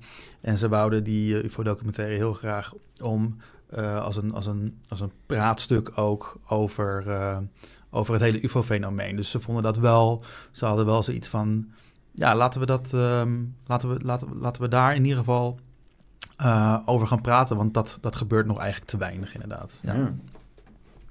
ja. Het is heel interessant. Het zou leuk zijn als je zo'n screening hebt of zo. Uh, met, met, een, met een groep mensen gewoon die docu kijkt. En uh, daarna, daarna wat vragen over kan stellen. Of uh, over het kan discussiëren en dat soort dingen. Dat ja. is natuurlijk wel. Gaat dat ook gebeuren? Of, uh, nou, de, de, alle, alle screenings, alle vertoningen, behalve die in Limburg, daar ben ik dan zelf bij. En is er dan achteraf een Q&A inderdaad. Oh. Ja, dus dan kunnen mensen inderdaad uit het publiek gewoon vragen stellen. Uh, en kunnen we over discussiëren. En achteraf bij de borrel is er natuurlijk nog veel meer ruimte om lekker over door te gaan. Ja. En uh, het staat allemaal op ufomeld.nl. Uh, ja, op ufomeld.nl kom je er wel. En anders uh, op soesterberg.ufo.nl. Ik gooi een linkje onder de beschrijving. Mocht je benieuwd zijn. um, ja, wat, wat, ga je de komende tijd doen? zo, je hebt nou een docu.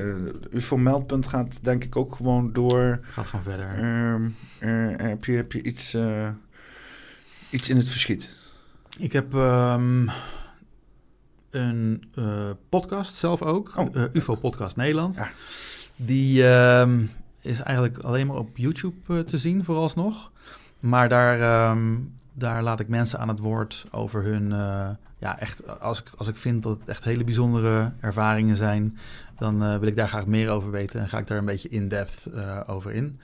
Dus... Um, uh, ja, die, die, die, die je daar ziet, die Rendlesham, uh, uh, die UFO-podcast Nederland, Rendlesham Forest, die is, dat is meer, dat was ik vorige... De, deze ja, was ik, was ik een tijdje terug op vakantie in Engeland, dus ging ik naar de, naar de Rendlesham Forest voor een, um, ja, daar heb je een hele mooie UFO-casus in ieder geval. Okay. En daar heb je een mooie trail dat, wat loopt naar een replica van de UFO die daar toen is gezien op militair gebied. Uh, heeft ook wel wat raakvlakken met de Soesterberg UFO. Maar dat was dus eigenlijk een holiday special. Uh, maar de, al, die, al die andere die, uh, die je ziet, zijn eigenlijk gewoon meer echt mensen die in Nederland iets hebben waargenomen. Ehm, dus ja. Zit er een, een aanrader tussen? Dat je zegt van die moet. Ja, ik vind, ik vind al die verhalen eigenlijk best wel tof eigenlijk. Want het zijn gewoon hele, hele normale mensen met hele rare waarnemingen. Dus dat is, ja, er zitten gewoon hele coole, coole verhalen tussen. Ja, die, die, die, die vrouw ziet bolvormige ufo met figuren langs haar flat zweven in Schiedam. Dat is wel, uh, dat is wel een favoriet van mij. Ja. Omdat, ja, hoe vaak zie je nou een ufo heel, van heel dichtbij... en dan ook nog eens een keertje mannekes erin zitten, zeg maar. Ja.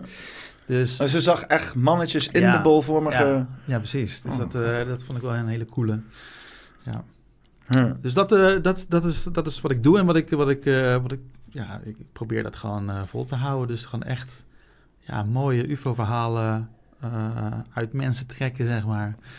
Uh, en verder ben ik nog van plan om een, um, om, om een boek te schrijven over, over de UFO's van Soesterberg. Want eigenlijk zijn er nog veel meer verhalen in de tussentijd bij me gekomen hm. over, uh, over UFO's rond die vliegbasis. Ik kan me voorstellen dat als een sneeuwbaleffect werkt. Dat als één iemand praat, en dat, want iedereen wil er eigenlijk volgens mij denk ik het liefst over praten. Alleen, wat je zei, iedereen is gewoon helemaal murf, murf geslagen door, uh, door alle ridiculisatie. Uh, maar dat kan best een, een sneeuwbaleffect veroorzaken. Ja, absoluut. Ik, althans, dat merk ik wel, ja. De laatste podcast die ik heb opgenomen was van de week.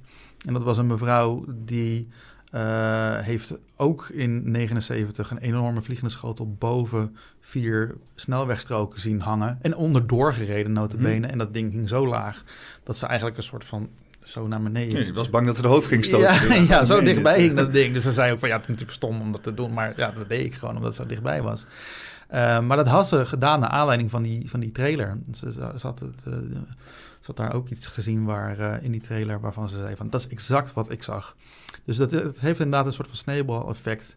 Dus ik hoop ehm, op die manier ja, um, ja, mensen toch uh, los, te, los te maken met een uh, verhaal. Ja, want als er nou iemand luistert en die denkt van... ah, het heeft toch allemaal geen zin om dat te melden en zo. Wat, wat heb je daar tegen te zeggen? Ja, ik, ik, ik, denk dat het altijd zin heeft om dat te melden. Sowieso is het natuurlijk heel cathartisch voor jezelf... Uh, om, om daar eindelijk van dat verhaal af te zijn en, en dat te delen. Maar um, ja, ik word er uh, sowieso blij van, van die verhalen. Omdat het natuurlijk gewoon hele mooie... Eigenlijk is het gewoon moderne folklore ook bijna. Hm. Um, maar ik denk ook dat wij er allemaal wat van kunnen leren. Ik denk dat juist de verhalen van de normale man... Uh, dat we daar veel meer van kunnen leren als, uh, als van, nou ja, complotverhalen uit tiende hand of elfde hand. Ook die zijn natuurlijk interessant, want waar rook is, is vuur. Um, en complotten zijn nou eenmaal bewezen echt bestaan. Want eigenlijk dat hele ridiculiseren, wat we dus nog steeds doen met, met, met mensen, komt eigenlijk ook uit de Koude Oorlog. Dat, want de, de, Amerikaanse overheid had natuurlijk best wel een goed wetenschappelijk programma om UFO's mee te, te onderzoeken. Alleen dat werd afgeschaft omdat er een, een panel was wat zei, nou ja, er is toch helemaal niks aan de hand met al die ufo's. Um, dus, dus daar hoef je niet meer naar te kijken. En er zijn zelfs later memo's gevonden door wetten openbaar bestuur verzoeken, waarin stond dat het panel echt schreef, we moeten uh, ufo's ten alle tijde ridiculiseren. We moeten zelfs gaan infiltreren bij ufo-groepjes. Um, en dat allemaal omdat ze eigenlijk een soort van bang waren, omdat in de Koude Oorlog um, waren ze, wilden ze eigenlijk de kanalen vrij houden voor, voor echte meldingen van bijvoorbeeld Russische vliegtuigen. Uh, en dat soort dingen. Alleen werden ze overspoeld door uh, UFO-meldingen. Omdat het gewoon echt aan de hand was, heel erg. Um, en um, ja, dus hebben ze gewoon gezegd van oké, we gaan alles ridiculiseren. Iedereen moet belachelijk gemaakt worden, die, zodat het hele fenomeen niet meer bestaat. En, en dat dreunt tot nu toe nog door. Dus ja, iedereen die, uh, die nu nog steeds een, een UFO ziet, zeker in, in, in zeker mensen die professionele waarnemers, zeg maar piloten en dat soort dingen, ja, die durven er helemaal niks over te zeggen, omdat sommige worden zelfs ontslagen als, uh, als ze er iets over zeggen. Omdat je elk jaar krijg je natuurlijk als piloot krijg je een soort van uh, psychologische test. Om te kijken of je nog wel oké bent. Want ja, je hebt natuurlijk heel veel passagiers vaak bij je of, of belangrijke vracht. Um, of je kan het hele luchtruim ontwrichten door rare manoeuvres te maken. Dus die mensen moeten steeds gescreend worden of ze psychologisch nog wel goed zijn. Ja, en als ze dan zeggen dat, uh, dat ze een UFO hebben gezien, ja, dan, dan wil het nog wel eens uh, dat je niet door die keuring heen komt. En dan ben je gewoon, um, ben je, gewoon je baan kwijt. Uh, dus, um, dus ja, daar, ook daarbij dreunt nog steeds dat ja, dat, dat ridiculiseren door wat eigenlijk in de jaren 60, 70 door de Amerikaanse overheid is, is verzonnen. Ja. En uh, uh, heb, je, heb je het KGB-handboek of, of Aliens wel eens gezien? De KGB-handboek of Aliens? Ja. Ik denk het niet. Het is zo'n ding die je spoort rond op het web. En dat is zeg maar een, een bundel heel slecht vormgegeven. Eigenlijk alsof het, het ziet er wel uit alsof het door een ambtenaar in elkaar is gezet, zeg maar. Dus, um, met echt uh, 50 verschillende aliens erin en zo. Allemaal foto's en zo. En, uh, ja, ik heb, daar wel, ik, heb, ik heb het wel volgens mij wel eens voorbij zien komen, inderdaad. Met die Arcturians en de Reptilians en ja, al dat ja, soort dingen, inderdaad. Ja. ja, ik geloof dat ik het wel eens gezien heb. Ik weet niet of ik hem op... Uh,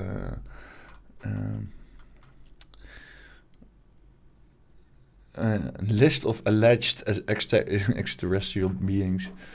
Uh, ja, volgens mij deze. Ja, ja, ja, ja, ja. Dat is mooi. Oh ja. Zo'n lekker jaren negentig vormgeving allemaal. Ja, het is echt uh, inderdaad in Word gewoon uh, lekker in elkaar geplakt. Ja, dan heb je gewoon een hele lijst. Even kijken, een intro natuurlijk. En dan verschillende schepen die gezien zijn. verschillende sightings. En dan op een gegeven moment dan begint de lijst.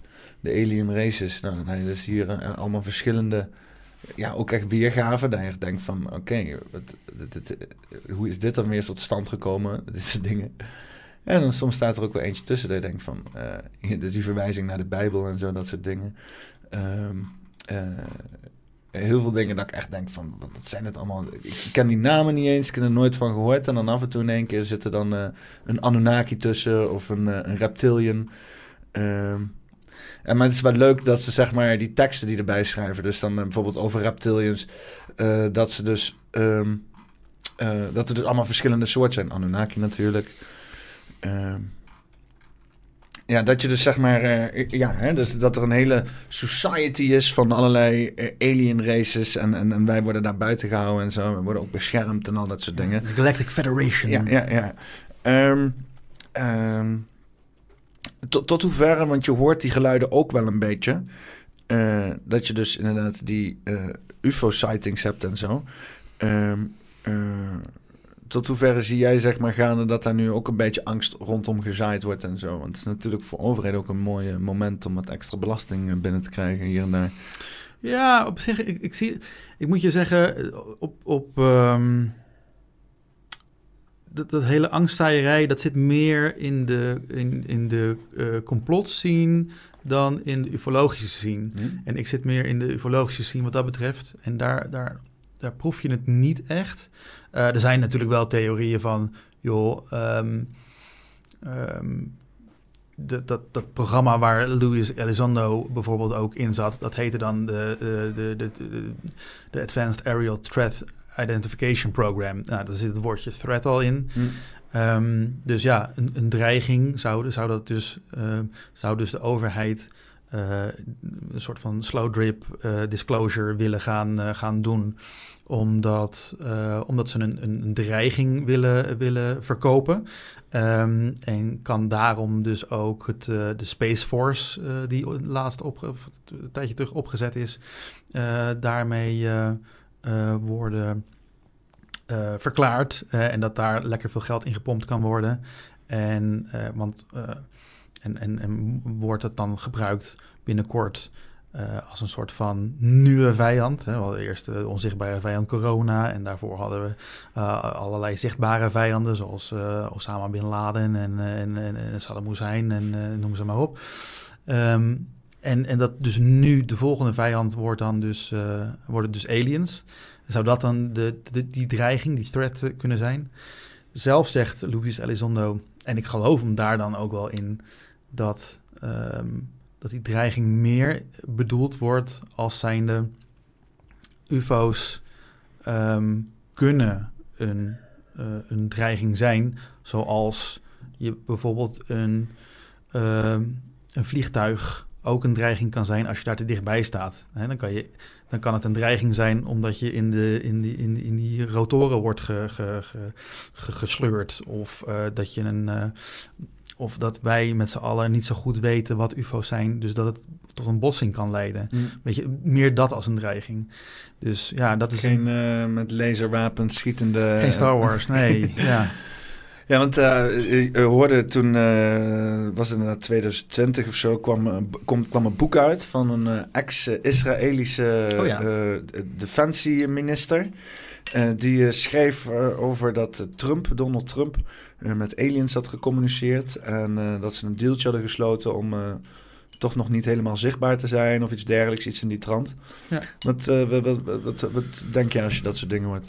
Uh, dat was uh, eh, Hai Machet. Dat was de, ja, eigenlijk de man achter het, achter de, het ruimtevaartprogramma in, in Israël. best wel geavanceerd ruimtevaartprogramma. ook echt een hele gewaardeerde man. Dus het was echt heel erg bizar dat hij op, opeens dit soort claims maakte. Oh, hij zei bijvoorbeeld ook dat wij, of dat de Amerikaanse overheid al lang op Mars aanwezig is. En daar uh, samen met aliens allerlei projecten aan het uitvoeren was. Zegt Mickey van Leeuwen ook trouwens. Hè? Hij heeft het zelf gezien. Nou. En maar het probleem daarbij is, ja, iedereen vroeg toen meteen van, hoe bedoel je, waar heb je het over? Ja. En, en daar kwam geen antwoord op. Hm. Dus... Uh, mysterieus. Mysterieus. Uh, hele bijzondere claim. Maar waar het vandaan komt... Zou je daar een eh, geopolitieke reden voor kunnen verzinnen of zo? Dat het... Uh... Nou ja nee, ja, nee. Ik bedoel, het is zo outlandish dat dat, dat, dat, dat, dat, dat gewoon geen... Um, dat het bijna niet geen... Um,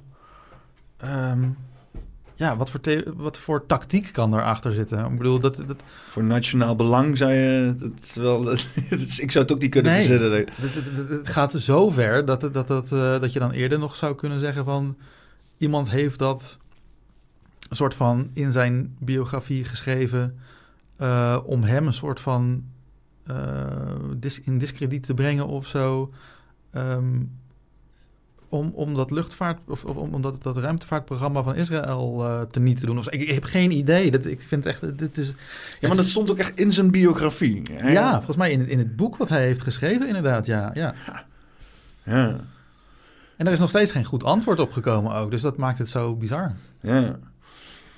Ja, ja dat, die, die, ik vond die wel heel fascinerend. Want dat is natuurlijk wel dat beeld wat je, wat je allemaal wil. Hè? Dat het een soort van, of nou ja, wil. Hè? ik, ik denk het wel een beetje. Dat je dat, dat, dat, dat een soort van Uber-overheid is er nog. En die is net zoals uh, met, uh, met, met de Avengers, met allemaal geavanceerde apparatuur bezig om het, universum en, en, en, en, en de ruimte rondom de aarde te beschermen en zo.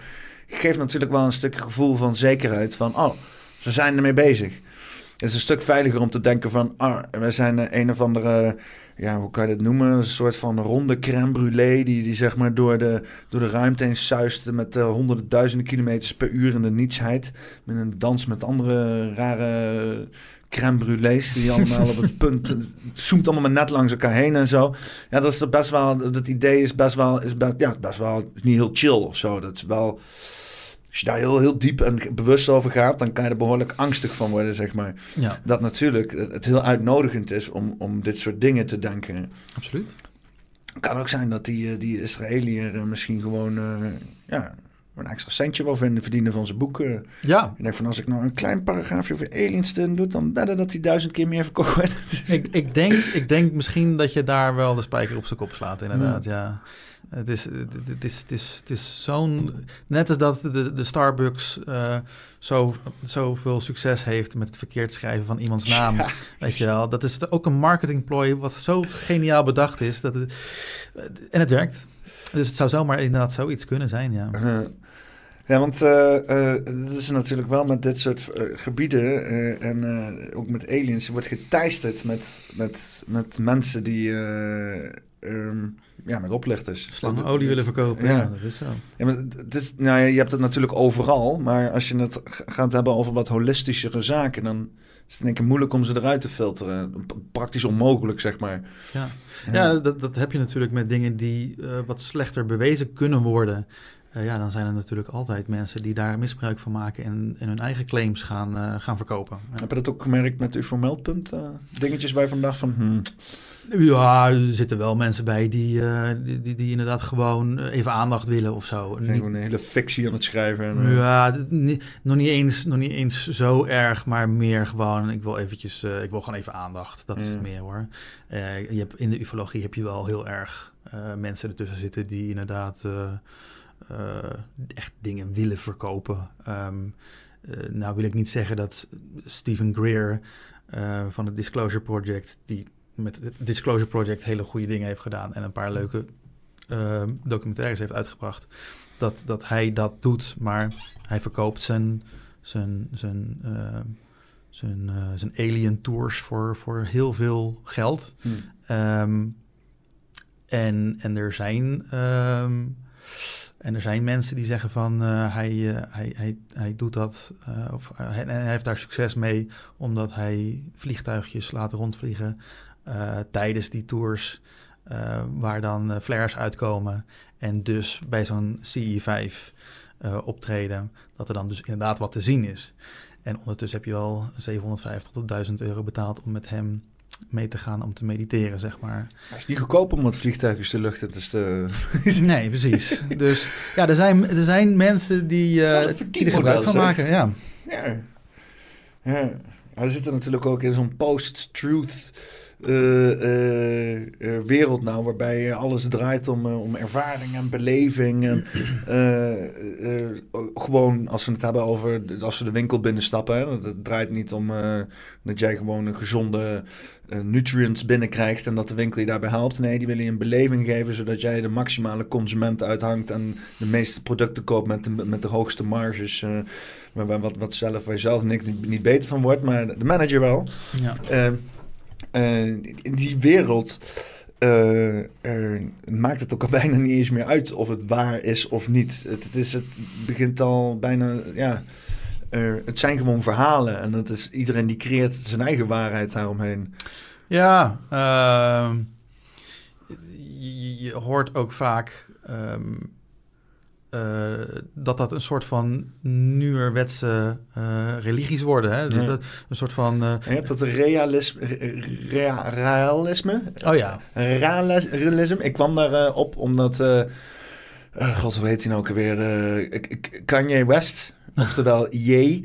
Um, een, een Twitter-post deed van een, een hakenkruis en een Davidster. En uh, toen denk ik van, oké, nou, waar komt dat op? Waar komt dat vandaan? Dus ik dat opzoeken. Bleek gewoon een... Oh, UFO-geloof te zijn. Ja, bleek gewoon een, een, een, een, symbool te zijn van een UFO-geloof. Ik heb realisme, is het dan niet realism? Ja. Nee, tegenovergestelde. oh, waar zit er nou weer? Realism, toch? Ja, ja zeker. Dat zit gewoon, ja. Oh, waarom, waarom ligt hier... Uh... Oh, er zijn meerdere... Oh, ze hebben dat... Oh ja, hier hebben ze inderdaad dat, dat, dat logo-symbool... Um, uh, maar ja, dus het is inderdaad gewoon, een, dat bestaat dus nog steeds. Gewoon mensen die, uh, ja. en dus, ze, ze, hebben een, een profeet en al dat soort dingen. En, uh, er is ook een hele leuke, leuke documentaire over. Die moet je maar, ja, die kan je wel eens opzoeken. ik denk dat die overal, ik weet niet meer hoe die, hoe die heet, maar daar, dat, is, dat is echt prachtig. Daar zie je de, eigenlijk de, hoe, hoe, die, hoe die meneer um, ja, dat geloof eigenlijk tentoonspreidt. En dat is echt dat is prachtig om te zien. Uh. Ah, daar is die, ja. The Prophet and the Space Aliens? Ja, is dat, uh... dat is hem. Ah, ja, ja. Ja, dat is echt dat is, een, dat is een leuke docu. Een aanradertje van Bram. Zeker. ja. Ja, dat is. Uh, uh, heb je veel mensen die in UFO-religies geloven? In, heb je daar veel. kom je die tegen? Of nee, in, in Nederland niet. In Nederland niet. Maar er zijn er wel een boel. UFO geloven, inderdaad. Um, je hebt natuurlijk ook uh, sectes gehad, ook echt. die, uh, zelfs, zelfs zelfmoordsectes die, uh, die de UFO's als, als maatstaf namen natuurlijk. Ja, maar er is er eentje, die zit nou ergens om een komeet of zo, hè? Zeggen, denken ze. Ja. er kwam een of andere, was dat Haley? Heel Bob. Heel Bob ja. of zo, die kwam ja. voorbij. En hun hebben dus toen het voorbij kwam zichzelf afgemaakt in het geloof dat... Uh, dat een, een, een alien ship was die hun meenam. Absoluut, dus, ja. Dat was, dat was echt een ik hoop voor ze dat ze erop zitten houden. Ja, dat ik hoop, leuk is. Ik hoop het ook voor ze. Ja, precies. dat er ook iets te doen is. Misschien een bios of zo. ja, ja want het, op zich is dat natuurlijk wel een, een interessante gedachte. Want dat, dat, heeft natuurlijk weer aspecten met van... is er leven na de dood? Want hun zeiden natuurlijk van... ja, als we ons uh, op dat moment ons lichaam verlaten... Uh, dat ons bewustzijn dan als een soort van spiritueel wezen verder mogen met die, uh, met die aliens. Hmm. Uh, maar goed, zo zijn er natuurlijk ook hele verhalen over leven na de dood. dus daar, dat soort parallellen heb je altijd met, met, met UFO's. Het is wel interessant. Ik zit laatst tijd veel in, in de spirituele hoek te roeren. En hij ook zo'n zo'n gedachtegoed. En dat, dat, dat heet, daar geloven ze dat je ziel wordt, dat is zeg maar een soort van reïncarnatie complot, zeg maar. Uh, en dat je ziel, onze ziel gevangen zit in een, een eindeloze loop van betekenisloze reïncarnatie. En uh, ja, het klinkt eruit alsof zeg maar, die mensen dan daar, daar zo uit zijn gekomen. Het, uh, ja, zoiets. Wel, ja. ja. pleeg geen zelfmoord. Gewoon niet doen. ja, het, uh, uh, ik vind uh, vind heel, heel interessant. Ja, ik, ik heb ook inderdaad die, die UFO-religies, die poppen echt, echt de... Je ziet ook mensen inderdaad... er is zo'n meisje die, die helemaal in roze en met, met een, echt een toverstafje en zo. En, en die heeft een hele following van, van 10.000 mensen en, of 100.000 mensen. En zij is dan echt ja, een, profeet. En die, die, die verkondigt uh, verhalen over uh, het, het, universum. En uh, ja, mensen zitten dan haar te volgen en dat soort dingen. En mensen hebben blijkbaar toch dat, dat houvast nodig op de een of andere manier. Maar goed, dat is altijd geweest natuurlijk met, met, met godsdiensten. Dat mensen gewoon niet zo goed weten wat ze met hun leven moeten. Dus dan maar via de regels van iets anders, weet je wel. doe jij wel eens betekenis aan je leven gooien? Nou, uh, ik, ik, denk er wel eens over na, ja. En ik denk als goed. Uh, uh, volger van mysteries, dat, dat je daar ook wel af en toe over na moet denken, inderdaad. En um, ja, kijk, omdat er geen bewijs is, zal je inderdaad toch weer moeten speculeren. Net als met alle andere dingen die mysterieus zijn. Um, maar goed, het, het, het, het houdt je bezig. En het is, het is zoals ik uh, uh, de laatste tijd begin te, nou, hoe ik dan de spiritualiteit zie voor mezelf, is, is gewoon over datgene wat voor mij het best voelt. Dus ik denk ja. dat er zelf ook wel mee zit, dat je kan maar zover nadenken over dingen en dan wordt het alleen maar een cirkeltje van ellende waar je in blijft vasthangen. En, en, en vanaf dat punt ben ik dus maar van... oké, dan fuck dat denken en dan ga ik voelen. En dat is voor mij die hele spirituele connectie en zo. En heb je wel eens dingen gehad dat je dacht van... Uh, dit, voelt, uh, dit, dit, dit, voelt juist om te doen of dit voelt niet te doen? Vooral, vooral in wat je hebt gedaan met de, de afgelopen tijd met ufo's en zo? Ja, ik, um, ik, ik vind het ook wel interessant om um, synchroniciteiten uh, te volgen. Hmm. Um, dus dat zijn, uh, dat, dat zijn eigenlijk uh, toevalligheden waar je net even iets meer achter zoekt. Zeker omdat er, als er een paar achter elkaar komen, dan heb je zoiets van: oké, okay, dan, dan is het geen toeval meer, zoiets. Um, je hebt het over getallen en zo? Die dan nee, uh... synchroniciteit is gewoon echt um, een toevalligheid uh, waarvan je denkt van.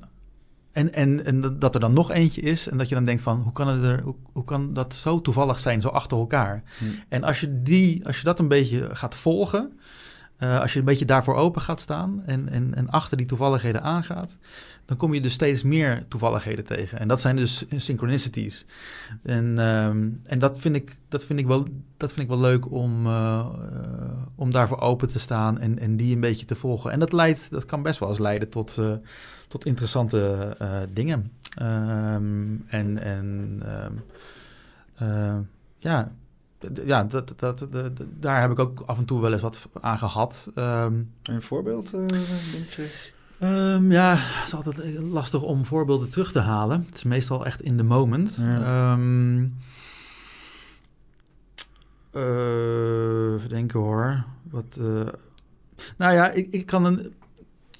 Er zijn, er zijn heel wat synchroniciteiten. Um, die, die ik eventjes moeilijk vind om aan elkaar te plakken. Maar uh, op een gegeven moment was ik. Um, was, oh ja, nou, nou, dit is op zich wel een leuke, een beetje farfetched, maar alle, uh, ik was bezig met de, het onderzoeken van uh, de 1917 UFO-waarneming mm. in uh, Portugal. Dat was de verschijning van Fatima. Eigenlijk is dat dus geen, wordt meestal niet gezien als een UFO-waarneming, maar eigenlijk wordt het gezien als een uh, een, een, een heilige... Een wonder. Ja, een wonder, een heilig wonder.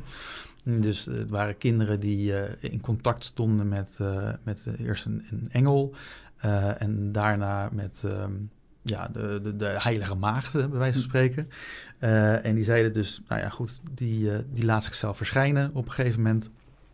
En um, um, nou, toen kwamen er een paar mensen kijken, van nou, ik wel geïnteresseerd.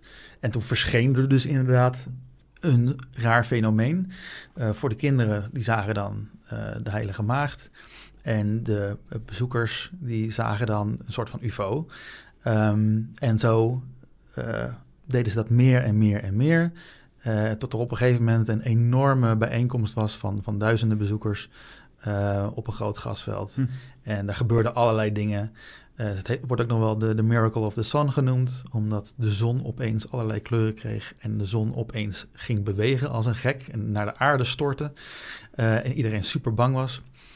Um, dus dat was echt een heel grote massawaarneming van voor mij dus een UFO. Ja. Maar um, en toen ik dat aan het onderzoeken was, kwam ik um, kwam iemand bij me. Ik kreeg van iemand een uh, een kaars waar, um, waar dan dat, de, de, de, uh, waar Fatima op stond. Dus die was in Portugal geweest en die had uh, als een souvenirtje gewoon die kaars meegenomen. Dus ik, dat vond ik een toevalligheid, mm -hmm. een synchronicity. En toen ging ik. Um, uh, en toen ging ik eigenlijk verder met het onderzoeken van dat soort waarnemingen. En toen kwam ik bij um, kwam ik in Mexico bij, uh, bij de waarneming uh, de Heilige Maagd van Guadeloupe. dat, was, ook zo'n soort verhaal. En toen vroeg een, een, een, vriend van me, die illustrator is, vroeg aan me van... wat, vind je, wat vind je van deze tekening? en daar stond inderdaad... er was een tekening van volgens mij was het een illustratie. Het hoorde bij een artikel over Marilyn Monroe. En hij had dus de boekenkast van Marilyn Monroe getekend. Maar daar stond ook, stonden ook wat snuisterijen op die boekenkast. En een daarvan was uh, de Heilige Maagd van Guadeloupe. Hmm. Dus, En dat was, in die, in, was, was op dezelfde dag of in een van de dagen daarna. Dus ik dacht van, ah, dat is weer zo'n toevalligheid... wat precies ook daar weer mee te maken heeft. En toen kwam ik bij de derde uh, meest bekende... Uh, waarneming van Maria-verschijningen. Um, en dat was Lourdes uh, in Frankrijk. En nou goed, was ik die aan het onderzoeken. En dit gebeurde allemaal in dezelfde maand. Hè? Laten we. Ja. Uh, en, um, en die. Uh, oh ja, toen ging, ik, toen ging ik naar een rommelmarkt. En kwam ik inderdaad het, een, een, beeldje tegen van, van, van Lourdes in, in het weekend nadat ik dat had onderzocht. Hm. Dus die heilige maagd van Maria in Lourdes met die, die verschijning. Um, dus dat, weet je wel, al die dingen zo na elkaar uh, zijn dan een soort van synchronicities. En dat vind ik dan wel leuk om, dat, om daar dan mee, mee verder te gaan. Dus ik had ook kunnen stoppen. Doet dat bij... iets met je besluitvaardigheid op dat moment? Of, uh... Ja, dan denk ik van, uh, oh, dan moet ik dat, dan ga ik erin verder. Ja, ja dus als een signaal om, om door te gaan. Ja, precies. En ik wil niet zeggen dat dat iets bovennatuurlijks is. En misschien is het gewoon echt wel gewoon toeval. En misschien is het ook wel, um, weet je wel, op het moment dat je voor het eerst het woord pikkel hoort, uh, agurk, uh, dat je dan overal het woord pikkel hoort. Dat, dat, dat, dat bestaat gewoon, dat fenomeen. Als, als, je, als je in één keer in een, uh, een Renault Twingo rijdt, ja. dan zie je overal Renault Twingo's rijden ja. in één keer. Ja, een soort van herkenningsfenomeen is dat gewoon. Ja.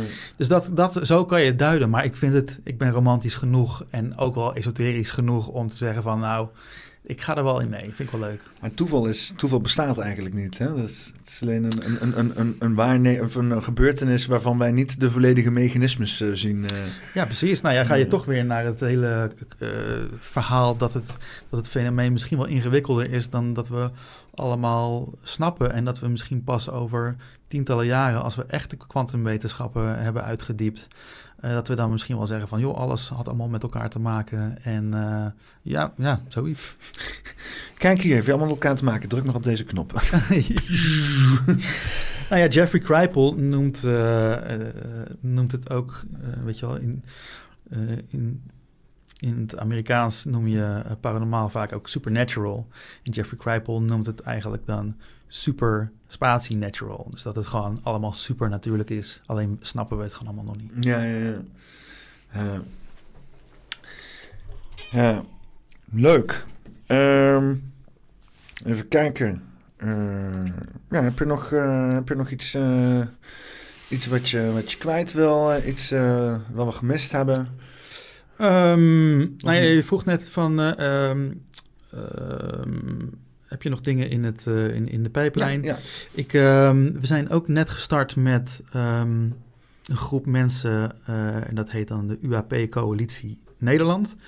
Uh, UAP is dus het nieuwe woord hè, voor UFO. Waarom zou dat zijn? Ja, om, om, het stigma, uh, om, om, van het stigma van UFO's af te komen. Heel veel mensen zeggen natuurlijk van... oké, een UFO is gewoon een vliegende schotel met groene mannetjes. Uh. En eigenlijk is, dat, is het natuurlijk helemaal niet zo. Is het gewoon iets waarvan we niet weten wat het is.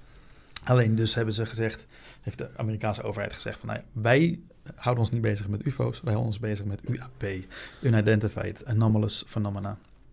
Dus, um, oh ja. Aerial phenomena, toch? Of eerst was het aerial phenomena, maar omdat er ook heel veel gezien wordt in de zeeën, uh, uh, hebben ze gezegd... Daar hebben we het nog helemaal niet over gehad. Ja, USO's. Ja, USO's? Ja, Unidentified Submerged uh, Objects. Ah, dat meen je niet. Ja, er zijn hele boeken over. Het is hartstikke... Ze zeggen dan in Nederland dat er veel moet gebeuren met alle water hier.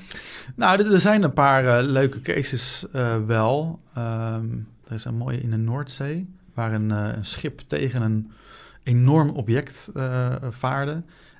uiteindelijk is dat object ook gewoon weer gezonken of weggegaan. Dus ze hebben het maar gewoon als een soort van container die uh, van een boot is afgevallen, hebben ze het maar een soort van uh, wegverklaard. Maar uiteindelijk weten ze helemaal niet wat het was geweest. Hm.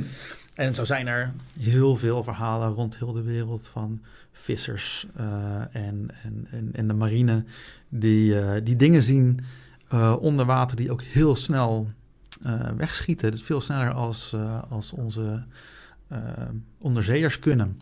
Het is gewoon een moderne wilde zeemansverhalen gewoon. Zeker weten, ja. ja. En eigenlijk, um, maar er zijn ook heel veel verhalen van ufo's die uit het water komen. Uh, er zijn ook heel veel ufo's, uh, ufo-verhalen van ufo's die het water inschieten. Dus het uh, zou zomaar kunnen dat het, um, dat, het dat, dat, dat ufo's zowel door onze atmosfeer kunnen, als buiten onze atmosfeer kunnen, als binnen onze wateren kunnen. Dus dat het eigenlijk transmedium objecten zijn. Ja, ik, ik kan me voorstellen als je uh, een, uh, uh, als het een object is, object hebt die uh, zulke bewegingen maakt zonder enige weerstand ervaren van lucht, dan zou dat ook bij water moeten kunnen, zou je zeggen. Ja, nou ja, kijk, we hebben dus natuurlijk heel even... duidelijk om materie heen of zo. Ja, je hebt, je, je hebt natuurlijk heel eventjes in het begin gezegd Bob Lazar. En die zei natuurlijk, hij claimt dus in Area 51 te hebben gewerkt, of eigenlijk in S4, dus een, een stukje buiten Area 51, waar hij, hij zegt dus dat hij heeft gewerkt aan, aan, aan een vliegende schotel die de Amerikaanse overheid in bezit had. Uh, een van, van meerdere. Um, en dat de techniek van die uh, UFO zo werkte dat er aan de onderkant uh, een soort van energie uitkwam die, die een soort van uh, ruimte-tijdbubbel maakte om het object heen. Uh, en ja, als, als dat inderdaad waar is, ja, dan kan je natuurlijk gewoon uh, buiten onze atmosfeer, binnen onze atmosfeer, in de, in de zee. En dan allemaal zonder enige verlies van snelheid of wat dan ook. Dus ja, dat, dat, dat is super interessant natuurlijk. Ja, en ik heb eens met, met wat van die elektronica geeks zitten, zitten fantaseren over anti-gravitational devices. En dan kom je er toch, uh, dan moet je dan een soort van torensveld creëren uh, van magnetische straling, uh, die je dan een soort van kan richten. Hè, dus, en dan ga je die kant op. want die torensveld die draait dan naar binnen en die, die, die, die klampt dan vast op, in eerste instantie op de magnetische veld van de aarde. Dus in theorie zou je dan met zo'n soort anti-gravitational device niet van de aarde weg kunnen. Of, Oh ja. of je moet jezelf lanceren en loskoppelen, maar ja, dan, dan heb je weer iets anders nodig. Ja, precies. Maar eh, eh, eh, ik heb wat dingetjes ook opgezocht. En Wat je dan, je zou een soort van bal moeten hebben, een orb, waar dan kwik in ronddraait eh, op een specifieke manier, zodat het een magnetisch veld creëert. Dat, dat bestaat al. En dat je dus kwik, als je dat ronddraait, dan creëert dat een magnetisch veld of zo. En, en dat, dat, dat als je dus die, die, die, die, die configuratie van hoe die kwik in die bal ronddraait kan sturen, zodat je dus ook inderdaad die torensveld kan uitzoomen of inzoomen, dat, dat je dan een anti-gravitational device hebt. En het idee is dan dat je letterlijk door de realiteit heen splijt. Dus eh, alle materie aan de voorkant, die wordt door dat magnetisch veld er eigenlijk omheen geleid. Ehm, en dan alles wat binnenin zit, dat is vrij van de Ja. materie daarbuiten. Daarom heb je dan niet die... G-kracht en dat soort dingen. Ja, en whatever de fuck buiten de, de ding gebeurt. Eh, onze conclusie was, je moet hem wel uitzetten als je uitstapt, want dan word je helemaal gedematerialiseerd, zeg maar. Ja, dat is een, een, een kwinkslag, maar eh, ja, handig. Ja, interessant. Ja, dus het, is, het, het is eigenlijk logisch als je nadenkt over dat soort dingen als een schip, dat het inderdaad ook onder water gaat. eh. maar ja, dat, dat, dat, dat, dat- ik vond, vond het wel interessant, want daar praten we eigenlijk heel nooit. Dat is nu, dus de afgelopen jaren is dat een beetje heet geworden. Zo. Tucker Carlson, die had het er in één keer over. Oh, ja. Eh, dat was ook... eh, eh, maar ja, dan denk je ook meteen inderdaad aan... eh, aan de Bermuda-driehoek en de, de zeemansverhalen. Misschien zelfs een, een hoe noem je dat nou? Hoe heet dat ding in Japan wat uit de zee komt? Die grote lizard. Grote lizard. Ja, die grote re- reptiel die in Japan uit de zee komt. Eh, Oh, Go- Godzilla. Oh, oké. Godzilla-achtige Ja. tafereelen. Dat, dat, ja, dat er gewoon... Ja, misschien gewoon een hele alien society in de zee zit of zo. Of iets, ja. Ja, dat is wel interessant. Je hebt ook een, je- volgens mij heb je bij Carolina, heb je een, een eh, moet je maar eens intikken, een, ehm, In maps of, een onderzee eh, basis. Moet je maar eens intikken, Carolina Alien Base of zo. En dan krijg je zo'n Google Maps ding, dat is best wel interessant. Eh, Ik ga nog heel eventjes weer. Ja. Ja, Moet ik hem op maps zoeken? Of, eh? Eh, nee, ik denk dat je het gewoon kan vinden bij Images of zo. Oké, ja. Nou, Even kijken. Ancient Aliens. Misschien gaan we even een videootje toch nog heel even. Even een klein stukje. Secret Underwater Alien Base. Eyewitness accounts of UFOs have been documented on the Solomon Islands for years. And mysteriously, details reveal that the UFOs seem to rise out of the surrounding ocean where warships sank in World War II and vanish into a remote mountain lake on the island. People often talk about seeing light not only in the sky, but in the ocean as well. That you see lights in the ocean, and then you see lights flying past uh, overhead as well, and sometimes crashing into the ocean, like a plane crashing. There have been sightings of flying saucers appearing over the wreckage, flying into and out of Ik mountains. had een stukje inderdaad van eh God, de Ancient Aliens aangezet. Dat ging over underwater bases. Oh ja. Ik zag hem voorbij komen. Ja, ik kon zo 1, 2, 3 even die, eh, die, Die die Carolina, dingen niet ja. vinden. Ja, die- bij images heb je... Ja, oh, dit, is dit hem? Ja, ja dat Ah, is hem. Kijk aan. Dus da- daar, daar krijg je allemaal speculaties vaak over. van, nou ja, wat, wat is dat dan? En, want bij Carolina worden heel veel UFO's gezien, namelijk. Het is echt een hotspot. Meen je? Ja. En, ehm, eh, en ook veel door ehm, eh, Amerikaanse piloten die daar veel trainingen doen. Worden ook heel veel UFO's gezien. Dus dat, ehm, ja, daarom, daarom wordt er vaak gespe- gespeculeerd over, over dat, dat, die rare anomalie die daar te zien is. Het is wel een aparte foto. Je ziet hier echt alsof dit zeg maar geknipt Ja. is of iets. Hè? Dat eh, Ja, maar als je op, eh, dus zo krijg je te zien op Google eh, Earth blijkbaar. Dus, Ah, dus misschien is het wel geblurred. of, ja. ja. Huh. Ja, geen idee wat daarvan te denken hoor. Alleen, uh, de, ik weet wel dat de verhalen van, uh, van, van USO's wel echt riant zijn. Um, en, en wat... Um, ja, het, het, probleem is natuurlijk ook... Wij leven natuurlijk gewoon niet op, op, op het water. Dus wij zien ze ook bijna niet. En toch zijn er een ho hele hoop verhalen. Dus kun je nagaan dat als we wel veel meer op het water zouden zitten... hoeveel verhalen er dan wel niet ja. uit zouden komen. Maar er zijn wel een hoop bootjes op het water. Uh. Jawel, dat wel. Alleen ja. Um... het is natuurlijk relatief. Ja, het is gewoon groot. Het is, ja. het is, is, moeilijk veel water. Moeilijk veel. Ja, ik, ik zit altijd hier bij Marine, marine Traffic. Uh, zit, ik, uh, zit ik wel eens. Of nou ja, altijd. Obsessief ben ik ook weer niet. Maar ik, ik ben, kijk wel eens van. hey, waar, waar wordt er gevaren allemaal? En dan ja, zie je toch dat er behoorlijk veel bootjes overal zijn. Zeker, ja. Jeetje. En dan zouden er toch meer verhalen, nog meer verhalen moeten uh, komen. Ja, dat, is wel, dat is wel een mooi plattegrondje zo. In, uh, ja, ja, en ze zijn er, ze kloppen ook. Want ik, uh, ja, ik kijk hier dan vaak naar de Rijn. En dan uh, zie ik daar uh, ik van een bootje. En dan kijk ik op de kaart. kijk, dan kijk ik op de kaart naar Nederland. Nederland is trouwens helemaal bezaaid met boten. Dat is gewoon... Boat Central. Ja, het is gewoon meer boten als land onderhand.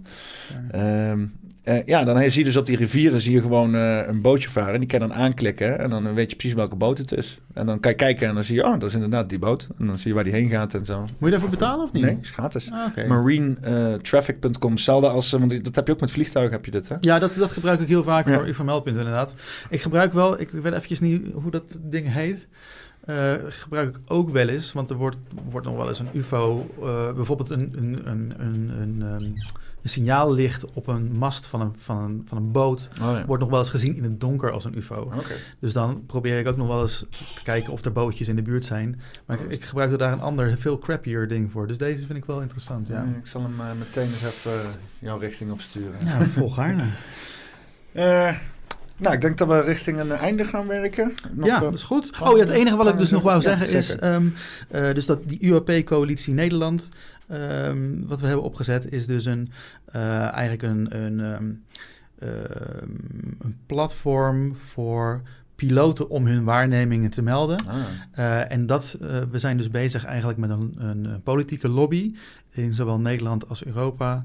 om dus een uh, erkend uh, meldpunten krijgen voor piloten. Mm. Dat piloten dus nu echt nergens heen kunnen met hun verhaal. Zonder dat ze meteen dat dat meegenomen wordt in de psychologische keuring. Ja, nou, dat ja, ja. dat dus inderdaad. Dus omdat uh, dus we proberen dus zoveel mogelijk verhalen binnen te krijgen van piloten, um, om dat te bundelen als een soort van pakket uh, voor, ja, voor die lobby dus.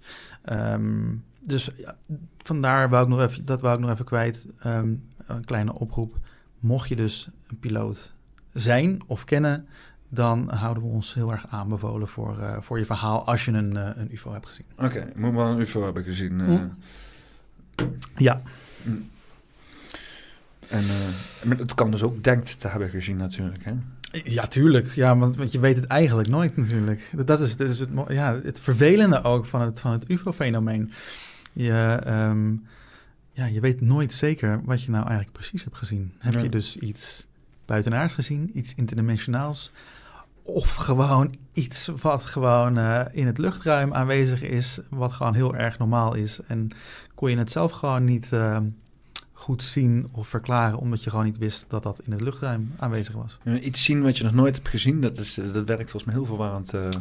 Nou ja, goed, als jij uh, nog nooit in je leven een, uh, een aardbei hebt gezien, maar het bestaat natuurlijk gewoon wel, dat is gewoon een normaal ding. Maar dan is het natuurlijk wel heel raar voor je. Dus ja. dan is het toch iets wat je niet kent. Als ik er nu over nadenk, aardbei is ook best wel een raar ding eigenlijk. Zeker. Zeker. dus zijn we het daarover eens. Um, nou, traditie is hier om aan het eind uh, een, uh, een uh, titel te verzinnen. Lekker in het moment. Hè, we kunnen het gewoon naar de documentaire vernoemen eventueel. UFO's in Soesterbeek. Maar misschien heb je iets anders in gedachten? En je bedoelt een titel met betrekking tot een... Tot deze podcast. Um, uh, om, de, om voor, deze, voor, voor, dit gesprek. Om dit po deze podcast te benoemen. Ja, ja, ja. Ach, jemig. Ja, um, ja, ik zou zeggen... Um, over ufo's, zus en zo. Ik weet het niet. Nee, ik heb geen idee. Iets, iets met ufo's? Ik zou, ik zou het lekker uh, iets met ufo's doen. Nou, gewoon UFO's in Nederland. Ja, Ik denk, denk wel dat, eh, dat mensen dan ook wel eens iets hebben van... Oh, UFO's in Nederland? Ja, nee, maar ja, ja, Ik ben niet zo van een clickbait, maar dit, dit Nee, maar zit er heel, gewoon heel, in. heel veel mensen hebben, denken natuurlijk dat het een Amerikaans fenomeen is. Eh, maar het, het is wereldwijd en zelfs in ons kikkerlandje. En wij doen dus echt met die 100 meldingen eh, per maand niet onder voor Amerika. Dus UFO's in Nederland is, is, is een prima titel wat dat betreft. Helemaal goed. Dan is dit poppenkast nummer 144. Eh, UFO's in Nederland met Bram Rosa. Hartstikke bedankt. Ja, jij ook.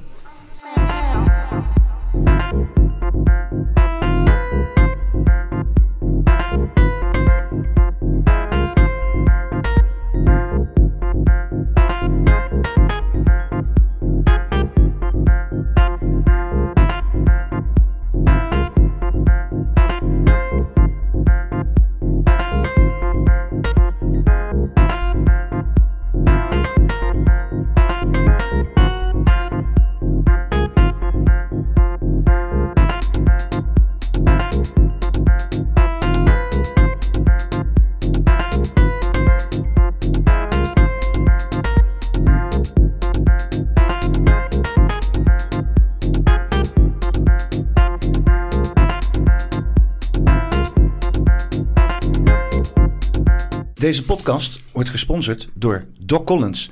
Breng ambacht weer terug in de schappen.